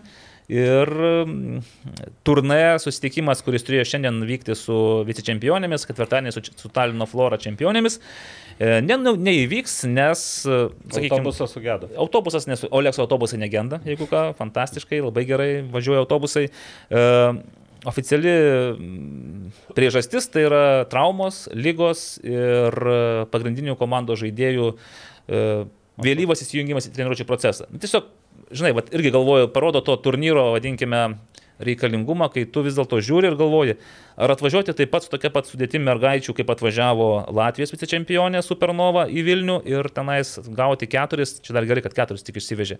O tu važiuoji į Estiją, susitiksi su Flora, kuri ruošiasi čempionų lygai, tai ten gali parsivežti ir dvi ženklį galbūt Bet- nemalonu. Bet, nu, kokia tada logika sutikimo iš vis dalyvauti tam turnyre? Nu, tai aš tai šitoj vietoj jau didesnį batoną patrupinčiau, elementariai. Nu, tai yra nepagarba varžoms ir organizatoriams. Gal ta lyga nėra tokia, kokia ten įsivaiz... kokiai gal įsivaizdavo, kad bus, bet tai... Komercinių gal principų naudinga. Ne, Taip, jokio bet- komercinio principo nėra, ten ne, sakė, bet- pinigų už nieką nemoka, ten re- realiai tai yra tiesiog tarptautinių varžybų. Tarptautinės galimybė. varžybos, taip. Ir čia nepošė šitas dalykas. Nežinau, aišku, kaip sako, klubas turi sa, sa, sa, savas priežastis, tu jas turbūt įgarsinai, bet ši, čia šitoj vietoje. Na, faktas tas, kad bus rungtynės žaidžiamos Estijoje, tik tai dabar reikės parinkti datas ir matyt bus dvi išvykos vietoj vienos. Nes Talino Tai- Flora dalyvaus čempionų lygos O tai lygiai. čia netechniniai pralaimėjimai. Ne, čia tiesiog Ai, kalendoriaus perstumti. Ir yra dar erdvės stumdyti kalendorių. Ai, taip galvojau, kad... Ne, ne, čia nėra, ne, kitas. neįma. Nu, tai tada čia, čia, tai. čia gal, gal, gal tada truputį per, per aštriai pasakiau. Bet man, Iškirpsim šitą naglio. bet man Miknevičiaus. priminė, žinot, kai būna, kaip to, tokios ten penktos, ketvirtos lygos komandos, kai važiuoja ir žaidėjus renkasi iš, iš, iš namų. po to sprendžia, ar važiuoti ar ne 11 su, Gerai. surinkus. Nu tai žodžiu vis tiek, žalgrėtės kol kas bent jau planas yra toks, kad važiuos sužais. Nes, nu, jeigu paaiškės, kad galiausiai iš vis nevažiuoja, nežaidžia, tai tada tikrai yra didžiulis klausimas. Tai čia va ar apskritai reikėjo tada pradėti ir veltis O į šiaip šį reikalą. Tas dar batonas toks, kad mm, paplūdimio mūsų rinktinė dėja, bet pralaimės- pralaimėjau stipriai Danams. Ir tai jau praktiškai tas pa- pa- turbūt jau labai apsunkino klausimą dėl patekimo, po to, kiek aš mačiau, pralaimėjau ir Latviams, ten gal baudinės. Taip, ir paskui dar ir Turkija buvo 1-3, Norvegija 1-2, ir tik paskutinė ir varžybų. Varžybų dieną nugalėjo Maltos rinktinė 9-4. Tai. Man regis, mes prieš tai kalbėjom, kad tikslas yra patekti į A divizioną. Reikėjo, reikėjo laimėti grupę arba būti viena iš geriausią rezultatą iš antros komandų. Ir kvota buvo keturios rinktinės, kadangi ten buvo iš pirmo diviziono Rusija dis, dis, diskvalifikuota, bet dėja, dėja turbūt tas pasirodymas e, nu, nu, nuvilintis, nes kai išvažiavo, tai žadėjo ir planavo rinktiniai kovoti dėl... Nu, aš tai jau ir patrupinau batoną, galbūt labiau tik tai Artūro Dolžniko atžvilgiu. Per, perlaužiau kuros šitą prancūzišką bagetą, tai čia daugiau gal ne- netrupinsiu paplūdimio rinktinės atžvilgiu, bet aš tai pagalvojau, na, aš pastarosius porą metų taip gal netaip akilai sekiau ir man va tos naujos pavardės iš tikrųjų taip nieko e, labai Nesakė. nesako, bet kai nėra komandoje Pavelo Smolkovo, Aivoro Miškinio, Vasilijaus Novičkovo, nu tai manau, jie trys ir e, Mantas Makutunovičius yra galbūt nu, tas esminis stuburas Lietuvos rinktinės, nes jie su įgol komanda, jie važinėdavo į užsienį, ten komandos draugai būdavo ir geri rusai, ir ten Latvijas toks Sergejus Vasiljevas buvo, ten realiai jie galėjo ir iš tų geresnių žaidėjų pasimokyti, įgauti tarptautinės patirties, o manau, kad būtent tos tarptautinės patirties tiems žaidėjams, jau jaunesniems turbūt labiausiai ir pri- pritrūko, nes va, tas esminis patirties stuburas jo nebuvo. Ir aišku to treneris Sahibas Mamadovas taip konkrečiai savo komentare, komentare neįvardijo, aš pats iš tikrųjų rungtynių nežiūrėjau, bet aš įtariu, kad būtent tos patirties e, tiems žaidėjams ir pritrūko, nes kai kurios, sakau, man pavardės nieko nesako, tik vat, pasižiūri, kad ten, nu, ten prieš kažką, va, SFL ten žaidėjai, bet kad, nu, ta prasme, kad, kad e, paplūdėmio Net- futbole man Net neįsiminė nesako- Karoliai nu, Tretėkui žaidžiant SFL. nesako visiškai. Ir aš manau, kad e, tenai, e, jeigu taip, vat mes taip kalbėtume su treneriu, aš manau, jis pasakytų vat, tą patį, kad nebuvo tų žaidėjų, kurie turėjo daugiausiai patirties, o vat, tiems futbolininkams Užgrūdintų karių. nepatyrusiems būtent gal ir pritrūko to, to, nes pagal rezultatų žiūrint, tai tik tai vienas mačas pralaimėtas tokiu didesniu skirtumu. Visi jis kiti nu buvo atrodo, esminis, turbūt, pirmos rungtynės. At, at, atrodo, atkakli kova būdavo visur. Jo, nu ir dabar čia jau net ne batono trupinimas, tiesiog taip trupiniai, kad e, savaitgalį grįžta ir pirma lyga, ir antra lyga grįžta, ir nagalį sveikinu, pradėsit antrą lygą nuo rungtynių su Transinvest. Su kuo čia sveikinti? Nu, turėsit galimybę su stipriausiais pasitikrinti Ne, iš iš tikrųjų, taip, e, kalbam apie kibartų sveikatą, tai ruošiasi, ruošiasi, gal šiek tiek, aš tikiuosi, pagerės treniruočių lankomumas, e, bet aišku, nėra lengva, šiek tiek yra permainų trenerių štabe, na ir pažiūrėsime. Mm, ten kažkokių stebuklų nesitikiu. Trenerių štab, stop, stop, stop, stop. Kaip Taip, taip pusę lūpų čia kažkas pasikeitė. Ką, ką pakeitė trenerių yra. Nu, tai e, dabar... Fizinio rengimo trenerių gal pakeitėt? Ne, ne fizinio rengimo. Vyriausiojo trenerio, į vyriausiojo trenerio poziciją grįžta Henrikas Katilius, kuris jau tai yra treniravęs. Ir, ir, ir žiūrėsime, nors uh, turnyrinės tokios perspektyvos, kalbant ir apie rungtynę su Transinvest, nėra labai tokios e, daug žadančios, tačiau e, sveikata kars nuo karto pasižymė tokio charakteriu ir užkabina taškus. Ir Vilnius nėra pats prašiausias miestas, na, aišku, žais Širvintose, bet Vilniaus komandos, aš prisimenu pernai metų rungtynę su Paneriu, kur Panerys nors ir turėjo daugiau progų, bet rungtynės baigėsi sveikatos naudai. Nu, 2-1, tai... Tai manau, kad gerai susiklošius Tėkmei. O kur Nagli komanda, nu ten stadionas yra renovuojamas, kur? Vilkaviškyje arba, arba gimnazijos stadione Nes, Kybartuose. nu, aš va taip norėjau ir pasakyti, čia faktą gal irgi šaltiniai sakė, kad kai iki Bartų sveikatai žaidė Kestutis Balčiūnas, jis iš treniruotės, iš Vilniaus iki Bartus į treniruotės važinėdavo. Buvo pernai metais. Jo, tai pagalvokit, kelis kokio reikia atsinešimo, Jo. kad Bet aišku, ne- ne- sunku. sunku. Čia, čia, man atrodo, gal apskritai Lietuvoje tokiu atveju nelabai Jo, buvo, buvo, bet Kesutis buvo grįžęs iš užsienio pasilgęs to futbolo. Po to, aišku, nu, gyvenimiška situacija, kad neprivažinės ten 200 km treniruoti tas, o šiaip tai yra kas, e, aišku, tos treniruotės nebūdavo jau kasdieną, ten kelis kartus per savaitę, bet yra iš- Kauno atvažiuoja, nes yra nemažai žaidėjų, kurie mokosi Kaune ar studijuoja. Tai, tai čia tos kelionės labai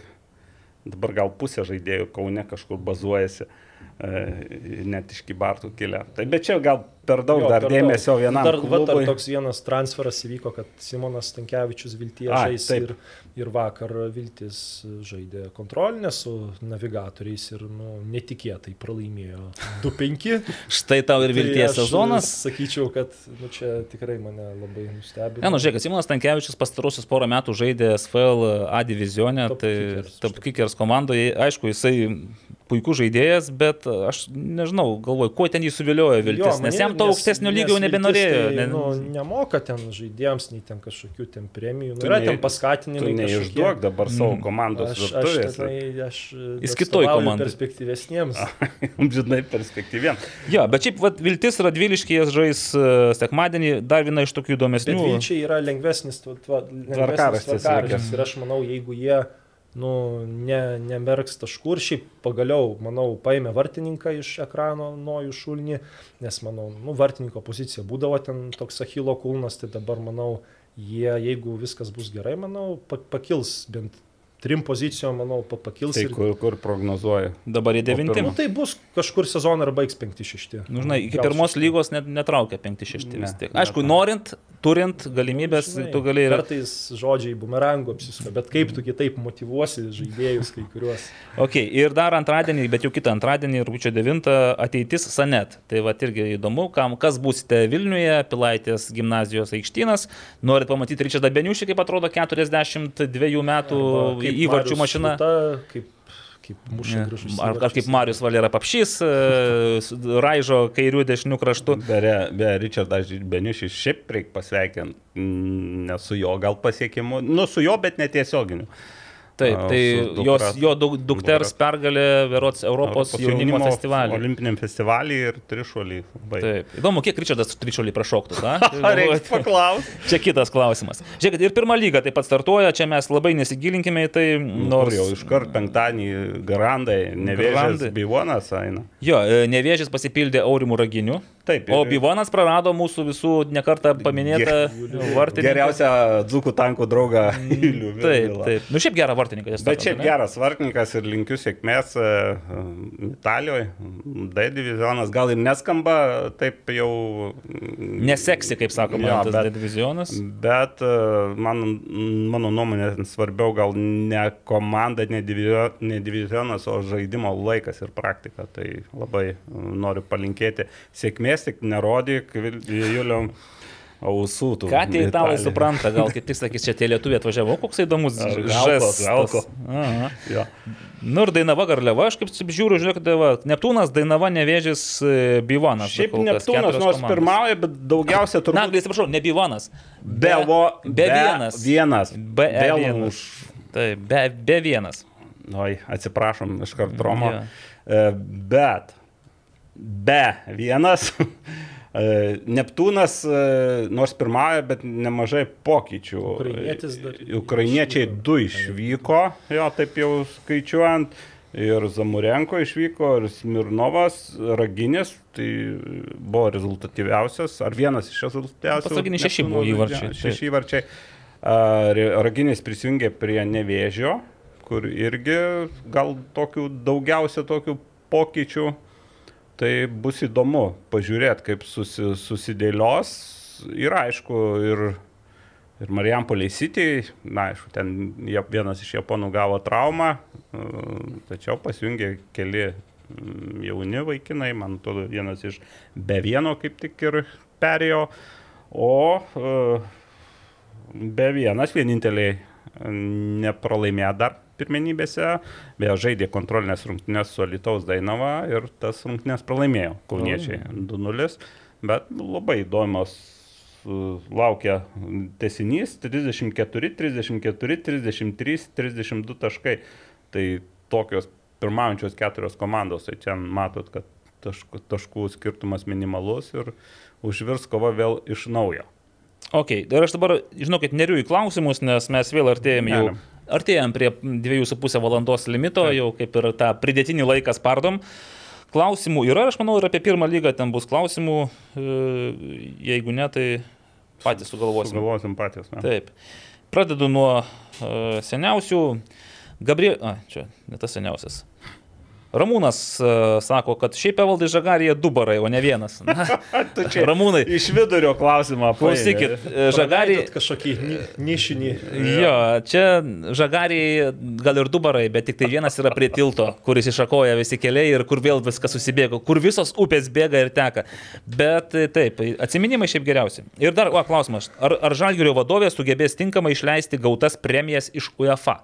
Mes žinome, kad jau 2,94 milijono už patekimą į konferencijų lygą įkris, plus dar už kiekvieną etapą ten krenta po 100 tūkstančių. Tai žinokite, tų pinigėlių yra. Ką reiškia tinkamai išleisti? Nu, aš nežinau kiek procentaliai, bet nu, tikrai žaidėjams gal pusę net būna duoda. Nu, tikrai Milijoną. Suma turėtų Pusė būt sumos, nemaža. sakai? Ne, ne pusė sumos per daug, ten būtų jau pusantro mil- milijono. Nu, bet taip, Nu, nu, padalinkant 20 žiūrėkit. žaidėjų, tai Yra, Leiskim žaidėjų pasisakyti buvusiam. Yra, ne, tokių premijų nebuvo. Yra nustatyta ir e, ten su žaidėjas yra apkalbėta iš, iš anksto, bent e, ir Suduva taip da- darydavo, ir manau Žalgeris panašiai taip.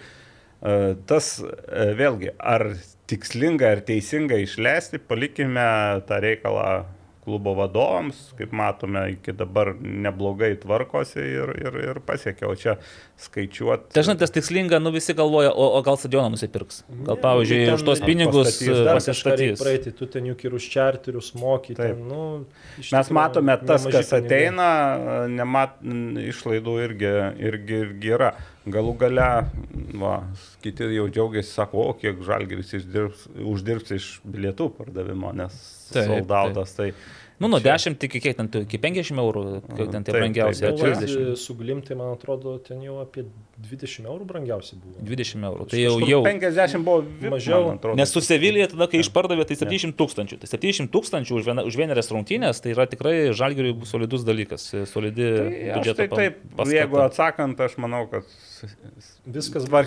pasidarys. Mes stebėsime ir analizuosime. Ginteras Bražionis klausė, ar, VFL, ar vasaros futbolo lygos pirmenybėse gali dalyvauti buvę A lygos ir buvę taip, gintarai gali.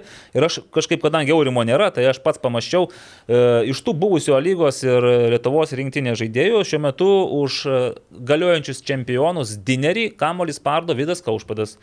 E, Sakė Naglis, kad čia dar klausimas, ar aš tikrai žaidė Vidas už rinktinę, bet kad žaidė A lygoje, tai... Ne, kad tą lygo, tai taip, bet... e, Ir už rinktinę, bet klubo pagrindu tikriausiai. jo. Ne? Ir taip pat Artūras Jeršovas vis dar irgi paspardo kamolį. Nu, o jeigu kalbant apie nacionalinę Lietuvo žurnalistų rinktinę, tai gal ir daugiau ten. Ir daugiau, rasite. ir daugiau. Ir netgi aš, čia, jeigu jau mane priskirsit nacionaliniai žurnalistų rinktiniai, irgi šiek tiek paspyriau iki traumos kamolį. E, Danielius klausia, ar sutinkate, kad buvę Vilniaus merai Imbrasas Zokas Navickas ir Šimašius turėtų tenais slėptis, nes Žalgiris, jeigu papuola į čempionų lygos grupės, tai Lietuvoje nežais. Sutinka, kad nežais Lietuvoje?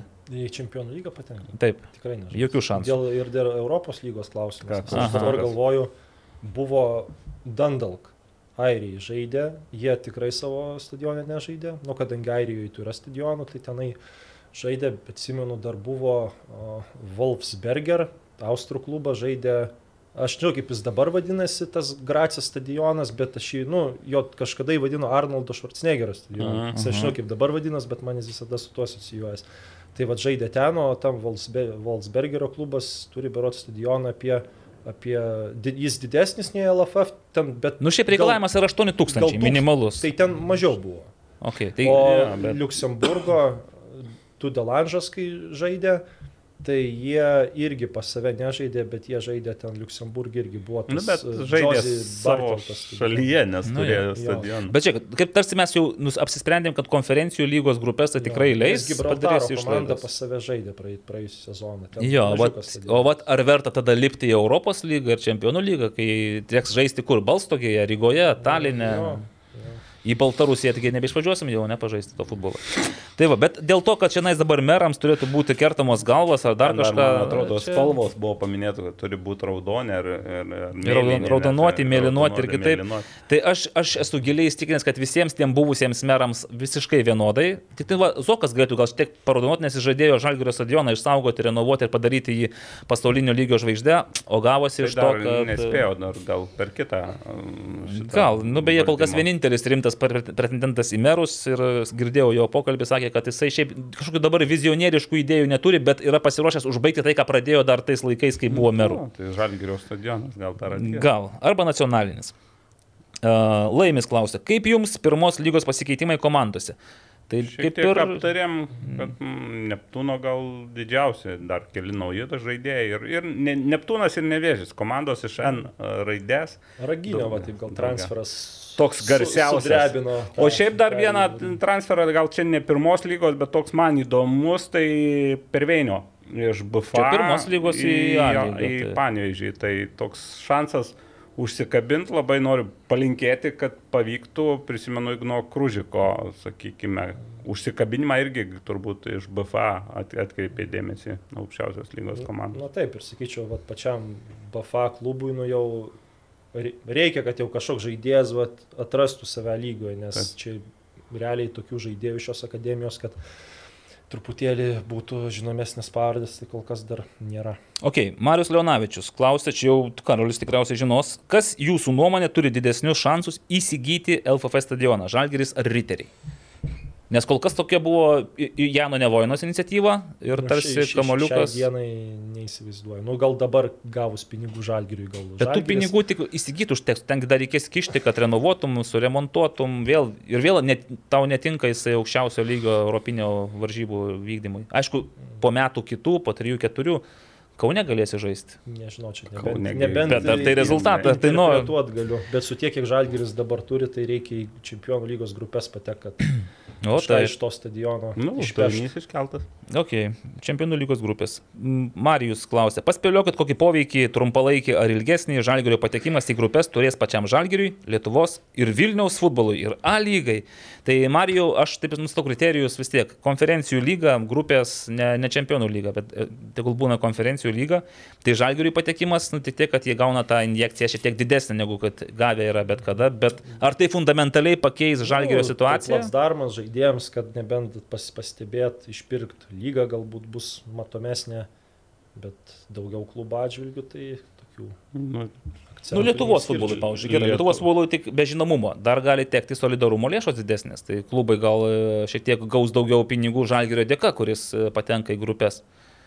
Čia irgi yra šioks toks finansinis bonusas, nes tos solidarumo lėšos irgi jos sviruoja nuo čempionų lygos grupių iki Europos lygos grupių. Kita vertus, kalbant apie Lietuvos vidinę futbolo rinką, tai pasakykime, tai tas atstumas tarp žalgerio Padidės. dar padidės ir Bet, nu, kitų. kaip būna, irgi prastai, jeigu kažkuri komanda, nu taip iškyla, vis tiek po truputį stiebėsi kažkas. Taip, Taip, gal, gal ne per gale- vieną sezoną, bet tai vis tiek Galų galia ir tas Bodo Glimt pavyzdys irgi Vejasi. Norvegijoje jau šiemet jie, nes e, žaidėjai ten išeina, nes tai tramplinas yra ir ir lygis, aišku, pasivienodina. Ir dažnai kas yra, dar yra ruduo, kurio mes niekad nesam patyrę Taip. ir nežinom, ar žalgiui apskritai pavyks tą rudenį užbaigti pirmoje Mes vietoje. Tai eisime, pat, esame patyrę rudenį grybauti einam, o žalgeris su Europos. Nėra dar grybavęs Europos taurėse ir tuo pačiu metu šienavęs e, Lietuvos futbolo lygoje. Gabrielius klausė, Karoliui klausimas, kodėl nebekomentuoja rungtynių su Ramūnu Jakubausku, juk puikus Nu. duetas buvo. Čia toks, jam apmokėjo fondas kažkas, Ne, ne, nu, klausimą užduoti. Kur, kur pametė Ramūną? Kodėl? Kodėl? Ne, iš tikrųjų tai yra nu, du akcentai. Tai turbūt pirmas, kad yra toks dar techninis niuansas vienas nesutvarkytas, o antras tai, nu, turbūt žino futbolo visuomenė, kas yra jo antra pusė, nu, Liucija Vaitukaitytė ir ji yra užsienį.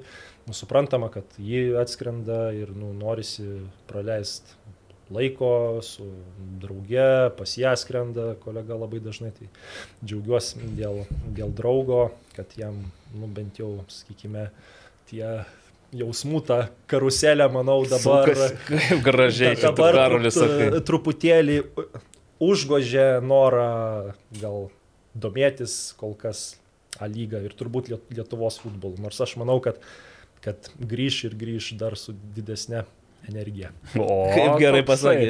Linkime. Bet klausimas, tai aš nu, būčiau gal pas, pasiruošęs atsakymą, reikia, reikėjo Ne, ne, ne, pasižiūrėti, ne. kad užduoda tokius klausimus. Čia dar, dar yra rimtesnis Gabrieliaus klausimas visiems trims. Jeigu vyktų rungtynės tarp A lygos ir Latvijos virs lygos geriausiųjų futbolininkų komandų, kas laimėtų? Aš Latvija- prisipažinsiu, Latvija kad... Latviai, bet, nu, taip, atrodytų pajėgesni Latviai, bet jeigu A lygos rinktinė treniruotų Vladimiras Šeburinas, šansai būtų lygus. Nu, vis tiek, nu, Ryga, nu, vis kalbėjomės anksčiau, kad nusipirko Babetsą, bet jie prieš porą savaičių nusipirko Gustavo Dulanto, šerifo vidurio gynėją Perų rinktinės už milijoną. Irgi Primink, kurioje vietoje Ryga. Dabar? Latvija. dabar yra Trečia. trečia. Jo. Bet žaidžia konferencijų Bet- lygos. bet, e, taip. Pergalės, nu, tas pastaruoju metu ten jau pradėjo skint, bet esmė tokia, kad nu ant popieriaus, va tą vienuoliktuką įstatyti, tai aš manau, kad vien iš O dar vienas Iš- iš, Rygos gal- žaidėjas liktai už Malmę žaidė, ne? jo, penį. Nu, matai. Tai ir prieš tai, kai žaidė 2.15, tai Žalgirį irgi buvo perų žaidėjas. Jotūnas. E, Einam toliau, čia įdomus klausimas, nemanau, kad mes žinosim atsakymą. Nerijus Juodis klausė, kiek Valinskui moka LFF. Šiaip, jeigu LFF būtų skaidri ir permatoma organizacija, tai aišku, jinai pateiktų mums visus skaičius, kiek moka Valinskui, kiek uždirba prezidentas, nes dabar 5000 eurų per metus, Klausim- 6000 per metus, mes, klausim- per mėnesį, Nu. Klausimas tai- į klausimą, kuriam Valinskui Jo, dabar greitai mums, mums patiems įdomu, jeigu ten ta suma, nu, Ne, nu kažkiek moka tai už strategavimą mes komunikacijos. estafetę tą perimti. Jo. Bet mes tikrai nežinom ir federacija tokių pateikė finansinę ataskaitą, kur parašyta, kiek išleista bendrai, kiek gauta pajamų, bet kiek tenais, kiek ir kur ir kam išleista, tai to mes nematome ir negalime kol kas pasakyti. E, Arnoldas klausė, tai gal vis dėlto reikia kažką keisti. Keisti federacijoje, nes jis čia išvardė daug punktų. Kas yra blogai, tai ir LFF taurės burtų traukimo ceremonija, kuri matyti čia apie tą gal dušą, tų dušo kabiną. metus Nu, kalbame. bet tai, Taip. tai čia gal turbūt tokie vat, iš konteksto mm, taip. dalykai, nes buvo ir gerų dalykų, tik vat, aišku, žmogui gal, vat, Tas gal užstrigo. reikėtų podcast'e sudalyvauti, pozityvo tos rubrikos pasisemti, nes Čia čia, turbūt aš- jeigu taip- taip, kad vi- vien negatyvas. Jo, aš taip, jeigu rimtai sakyti, tai visada galima sak- prašyti pokyčių ir galima daug ką keisti, bet e, reikia tada labai aiškiai pasiūlyti, ką tu nori pakeisti ir ką tu pasieksi pakeitęs. Aš, pavyzdžiui, pasisakau už klubų įtraukimą į federacijos veiklą ir už vykdomojo komiteto narių ne automatinį patekimą į VK, bet už jų rinkimą konferencijoje. Tada bent jau žinotume, kas žaidžia kokiamis kortomis, matytume, kokios vyksta dėrybos. Žmonėms reikėtų žaisti tą demokratiją, va, tokiais, tokiom kortom, kokios yra demokratiniam pasaulyje. O dėl to, kad kažką dabar va, staiga išformuoti federaciją ir paleisti ją ir bus geriau, sukursim kažką geriau, tai aš nemanau, kad šiandien dabar yra galimybių sukurti kažką geriau. Bet keisti stu- struktūrą reikia ir leisti daugiau žmonių tenais, kurie dalyvautų sprendimų prieimime taip pat už. E, Jonas Panevežiukas, čia tau karaliai. Jūsų nuomonė apie naująjį FK Panevežio polėją Adaną Bašyčių. Juotkalnyjos rezultatyviausias čempionato futbolininkas. Nu, galiu gal taip dar pasakyti, kad čia gal nu, nepeiks niekas, bet pirmas e, taikinys buvo Jordanas Ankololo. O, jis laisvas? Buvo žaidė. Jo, mm. ir, nu, klubas jau jo norėjo, bet nu, jo finansiniai e, lūkesčiai nesutapo, nu, adekvačiai nesutapo su, Su klubo galimybėmis. galimybėmis mokėti. Nu ir, kaip supratau, buvo susitarta su šiuo žaidėju. Aišku, pažiūrėjus į jos įvynų, tu matai, kad nu, tik vienas toks vat, sezonas yra toksai, kad iššovė. Jo.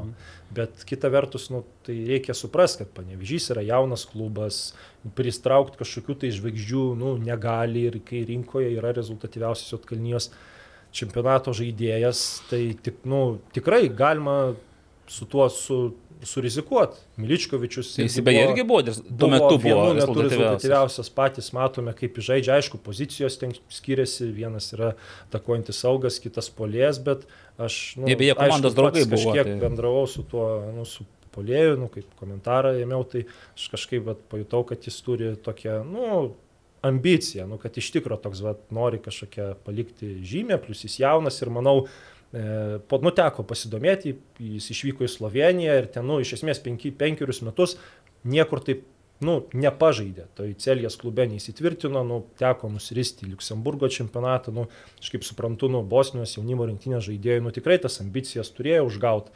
Nu, ir manau, kad e, tos ambicijos ir turėtų duoti kažkokią naudą panevežį, ar ji bus didelė ar ne, geras klausimas, bet kai matai, nu, kad Nasko Mylevas dar netaip žyba, Ulise Dielo irgi, nu, Nežiba, nebuvo nežiba, jeigu taip sakykime. Tai aš manau, kad, nu, blogiau už juos abu gal, gal ir nebus. Tai bet kuriuo atveju rotacijai, e, konkurencijai tikrai geras pirkinys. Okay.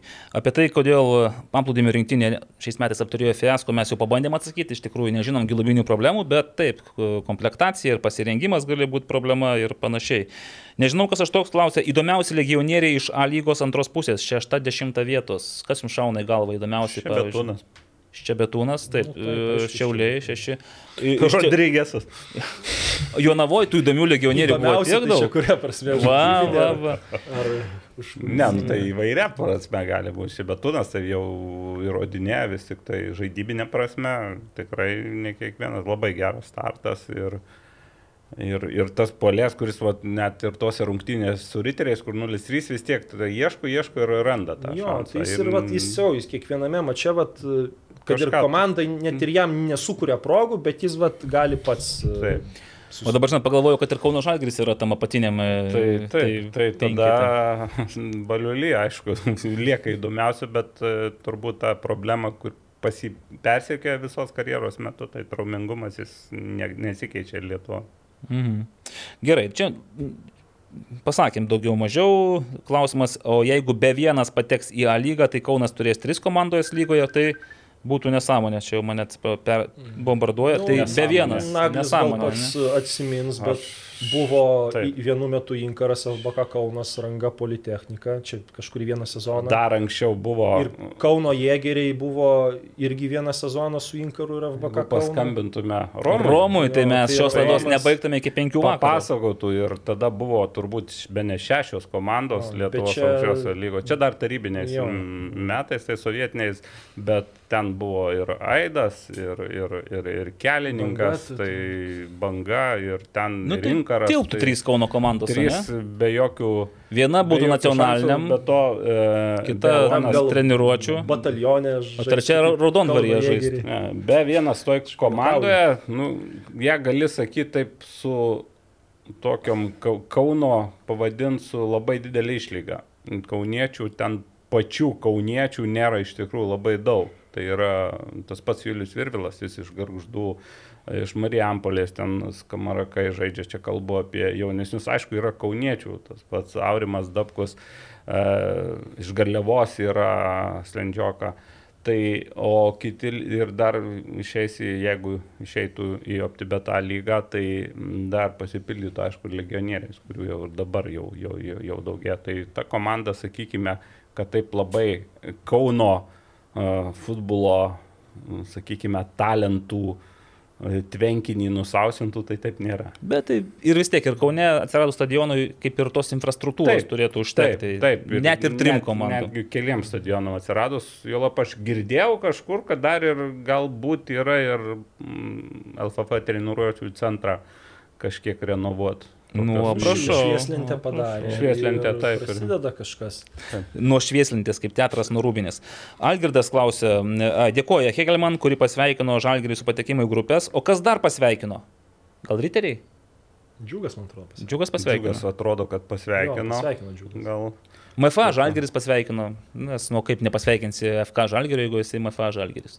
Bet riteriai, tai nežinau, aš negarantuoju. Čia būtų Aurimas gal pasakytų, aš nemačiau to. Nu, gal, gal nėra dar tos tradicijos ir gal čia toks, e, čia reikia pirmiausia tai pagirti turbūt valdą. Uh, nu, e, Knyzelį. Mm. Nes manau, kad čia reikia būtent sureaguoti toj vietoj. Tai, tai, Ir pagirėme valdą, padėkojame Hegelmanams ir sveikiname kartą Žalgirį. Solidu, šiaip. Jo. Algirdas, dabar vat, pažiūrėkite, budrumas. Ar pastebėjote, kad Europoje visų žalgerio įvačius muša žaidėjai, kurių vardas ar pavardė prasidėtų iš... O, O tai Ajavusė su O prasideda? o, Irgi? jo, jo. Aš kodėl visą laiką matydavau prieš jo. Arba Oliveiras, Oliveris. Oliveris bufas. Bufas. Gerai. Pastebėjom, Algirdai, taip. Na ir dėl Moreiros ar nejuokingi pasiteisinimai, tai mes irgi jau pasakėme, kad vieną kartą gali pasakyti, bet tai kartoti po kiekvienų rungtynių, kad čia biudžetai, čia skirtumai, čia pažiūrėkit, kur jie, kur mes, nesolidu. Vakaris. Ar kitame sezone Žalgiris A lygoje neturės savo varžovų, nes turės daugiau pinigų, galės dar gilesnį sudėtį turėti ir su geresniais žaidėjais. Tai ką man? Vienu metu 11 žaidėjų žaidžia aikštėje, kokia begilė sudėtis būtų, negali sakyti. Bet jie bus geresni, dar geresni. Na taip, bet vėl, nežinom kaip bus su traumom, nežinom, vėl pamatysime, kas rudenį bus. Čia yra ir tų šešėlinių dalykų, krūvis yra didesnis. Šešėlių valdovai. Šešėlių valdovai, jo. Tai šiaip e, turi žalgeris ką veikti tą lygą ir šiais metais. Dar turės šiaip rudenį. Dar Mes turės. vis dar sakom, kad ne, esam grybavę mes, bet Žalgiris dar nėra grybavęs taip giliai rudenį. Tai, tai pamatysime, bet faktas, kad, bus, kad galės sauliaisti šiek tiek daugiau negu kiti lygos klubai. Uh, futbolo mėgėjas, kaip manote, ar ant šito hypo būtų 20 tūkstančių bilietų išpirkta į rungtynę su Gali Bioda? Manau, kad taip. Bet tik dar aš galvoju vis dėlto priklausytų nuo, žinot, pirmųjų rungtynių. Jeigu dabar būtų iš karto va čia, tai tada Ne, nu, nacionalinė. pa- Pavyzdžiui, va, tokia situacija kaip dabar. Tai manau, kad e, Vilnius kaip miestas ir ne tik Vilnius. e, Ir aplinkiniai vis tiek jau, čia jau, čia jau būtų iš Lietuvos irgi gal pavažiuotų. O, futbolo mėgėjas čia šovė kelis klausimus. Kaip manote, kurioje šalyje žaistų Žalgeris, jei patektų į čempionų lygos grupės? Aš tai manau, kad Ryga Lenkijai. būtų variantas. Aš tai Lenkijoje kažkaip galvoju, bet... e, Balstokiai galėtų žaisti, Karolį? Galėtų. Galėtų. Galėtų. ne? Ten, nu, kiek, kiek, kiek tarp 15-20 tūkstančių, man atrodo, tas. Bet tai kur kelias geresnis važiuoti Žalgerio gerbėjams? Ar į Rygą, kur 200 km į Balstogą ten per Kybartus nu, kažkur ten sukti? Per atsiprašau. Kybartus nereiktų važiuoti, užtektų Lazdijų ir. Kalvarijos iš kitiem, nes gal, važiuotų ne tik iš Lietuvos, bet tu ten yra bedrionka. Va, va, tai Balstogiai vienareikšmiai. Nu, kebabai. Ir kebabai. Tai kebabus mes O dar pakalbėsim. Lenkijoje vieną neskaniausių valgyti. O. E, Dar futbolo mėgėjas klausė. Jonavai, trumpalaikis pakilimas ar jau iki sezono pabaigos Jonaviškiai mes kovą daugumai lygos klubų? Karoli. Trumpalaikis čia agonija gal prieš e, pabaigą ar vis dėlto jau... Ne, nu aš manau, kad gal jau blogiau nebus. Ten po 0,5-0,6, kur ten jau e, gal 2 trečdaliai su triuškinimu, ar gal 3 ketvirtadaliai su triuškinimu. Manau, kad bus atkaklesnių kovų, nu, nes jeigu tu atvažiuoji dabar į klubą ir jauni žaidėjai atvyko, nu būtų keista, jeigu jie išsilakstytų spalį po mėnesių. ištems, ne? Ištems iki to. Nu, ir- tai ir- ir turėtų. kovos matyti vis tiek. Kad ir kaip būtų, aš įsivaizduoju, Nes- kalbėjome apie tai, kad nu, tiems jaunim, jaunuoliams jiems neturi būti svarbu, ar jie praloš tenais 0-3 Nes ar ir 0-2. Dabar yra nu, va, toks pagrindas, kokių nu, 15-16 žaidėjų dar juo labdu atvyks, aišku, jų lygis galbūt ir neleis skinti daug pergalių. Nu kaip, neleis, jeigu. Aš pasikliaunu dar dviem gerais futbolininkais. Vienas jau yra, o dar vienas ant privažiavimo. Gal antradienį, trečiadienį. Tada mes pakalbėsim, sakė Petro Kušlikas. Laikas Karoliui Tretjakui. Tai va, Karoliui, antradienį, trečiadienį ir pakalbėsit. Ne, bet ištems, ištems Jonava. Ir Rokas Gipas, mes jau finišuojame, nesulaukę 3 valandų, neperžengė to Rubikono, Rubežiaus. Bodo prieš, Bodė prieš Linfield išvykoje pralošė 0-1, namie davė atgal 8-0. Jūsų nuomonė, kodėl tokia praraja tarp dviejų rungtynių? Tai čia, man atrodo, atsakymas Ir peršas. ane? pirmose rungtynėse ten spaudė, tai daugiau ir kontroliavo bodę. Tai gale ten Linfindas šiek tiek atsigavo, toliau tai Rungtynės nelygios rungtynėm. Čia su, sutapimas. gal nėra tarp komandų lygių skirtumas, kad 8-0, bet tikrai kur kas stipresnė bodė, sakykime. Ir kadangi aš kaip tik pasižiūrėjau dar tų atsakomų, man, man pačiam buvo nuostabu, kas čia nutiko, tai e, prie, e, pirmaujant bodė 1-0 e, buvo raudona kortelė, išmušė gynėjas kamolių ranka, Ranka. kaip, kaip Suarešas. Bet tai buvo 21 minutė, bodė 2-0 ir tada prasidėjo, kad per kitas jie tenais praškai apsigyveno bodos aikštelės prieigose ir jau ten daužė, nardė, daužė, mušė. mušė. Man atrodo, po pirmo buvo 4-0, jiems to neužteko ir jie toliau žaidė antram kėlinyje. Nu, tiesiog, va, 8-0 čia buvo toks gal, nu, jų noras įrodyti, kad po pirmų rungtynių... Toks truputį gal išerzino Taip, taip, taip. Linfindas. Jeigu nebūtų tos, tos raudonos, jei būtų praleidę, manau, nu būtų 4 gal 0, ten, žinai, gal būtų ne Taip. toks žiaurus sutriuškinimas, bet iš tiesų nėra ta biodė tokia baisi, kaip mes šiandien galėtume spręsti pagal tuos atsakomųjų rungtynių rezultatą.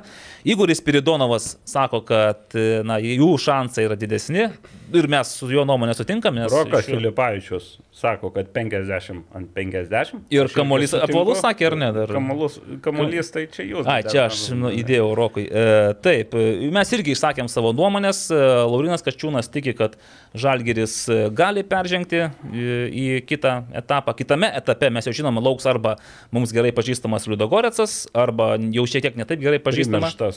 Bet kruatiškas toksai, žinai, yra tas jungtukas, Yra, yra. tai yra Zagrebo Dinamo. Trečiadienis visi į stadioną, nors bilietų jau nėra, tai kas ne į stadioną, tas tikriausiai mokės čik, čik, čik, čik, po 5 eurus už transliaciją, kas eis į stadioną Vypose, Vypo ložėse žiūrėti rungtynės. Ne Jonavos, Ne, Navos. Nu, aš dirbsiu už Budraitį vasaros futbolo lygoje. Deja, tokia mano liūdna dalia. Ačiū visiems, kas buvote su mumis šį 42 epizodą. Iki 3 valandų nedatempėme, mes irgi žmonės, irgi suprantame ir jūsų kančias. Ir su visais e, tikrai pasikalbėjom, atsiprašėm už tą praėjusį 3 valandų maratoną. Daugiau tai nepasikartos, mes žodžio žmonės ir savo žodžio laikomės. Naglis, Karolis, Evaldas ir Aurimas kažkur ten Barcelonoje. Dėkojame ir iki. 50. Iki. Viso gero. Sybet. Lošimo automatai. Lošimo automatai. Lažybos. Lažybos. Ruletė. Ruletė. Nesaikingas lošimas gali sukelti priklausomybę.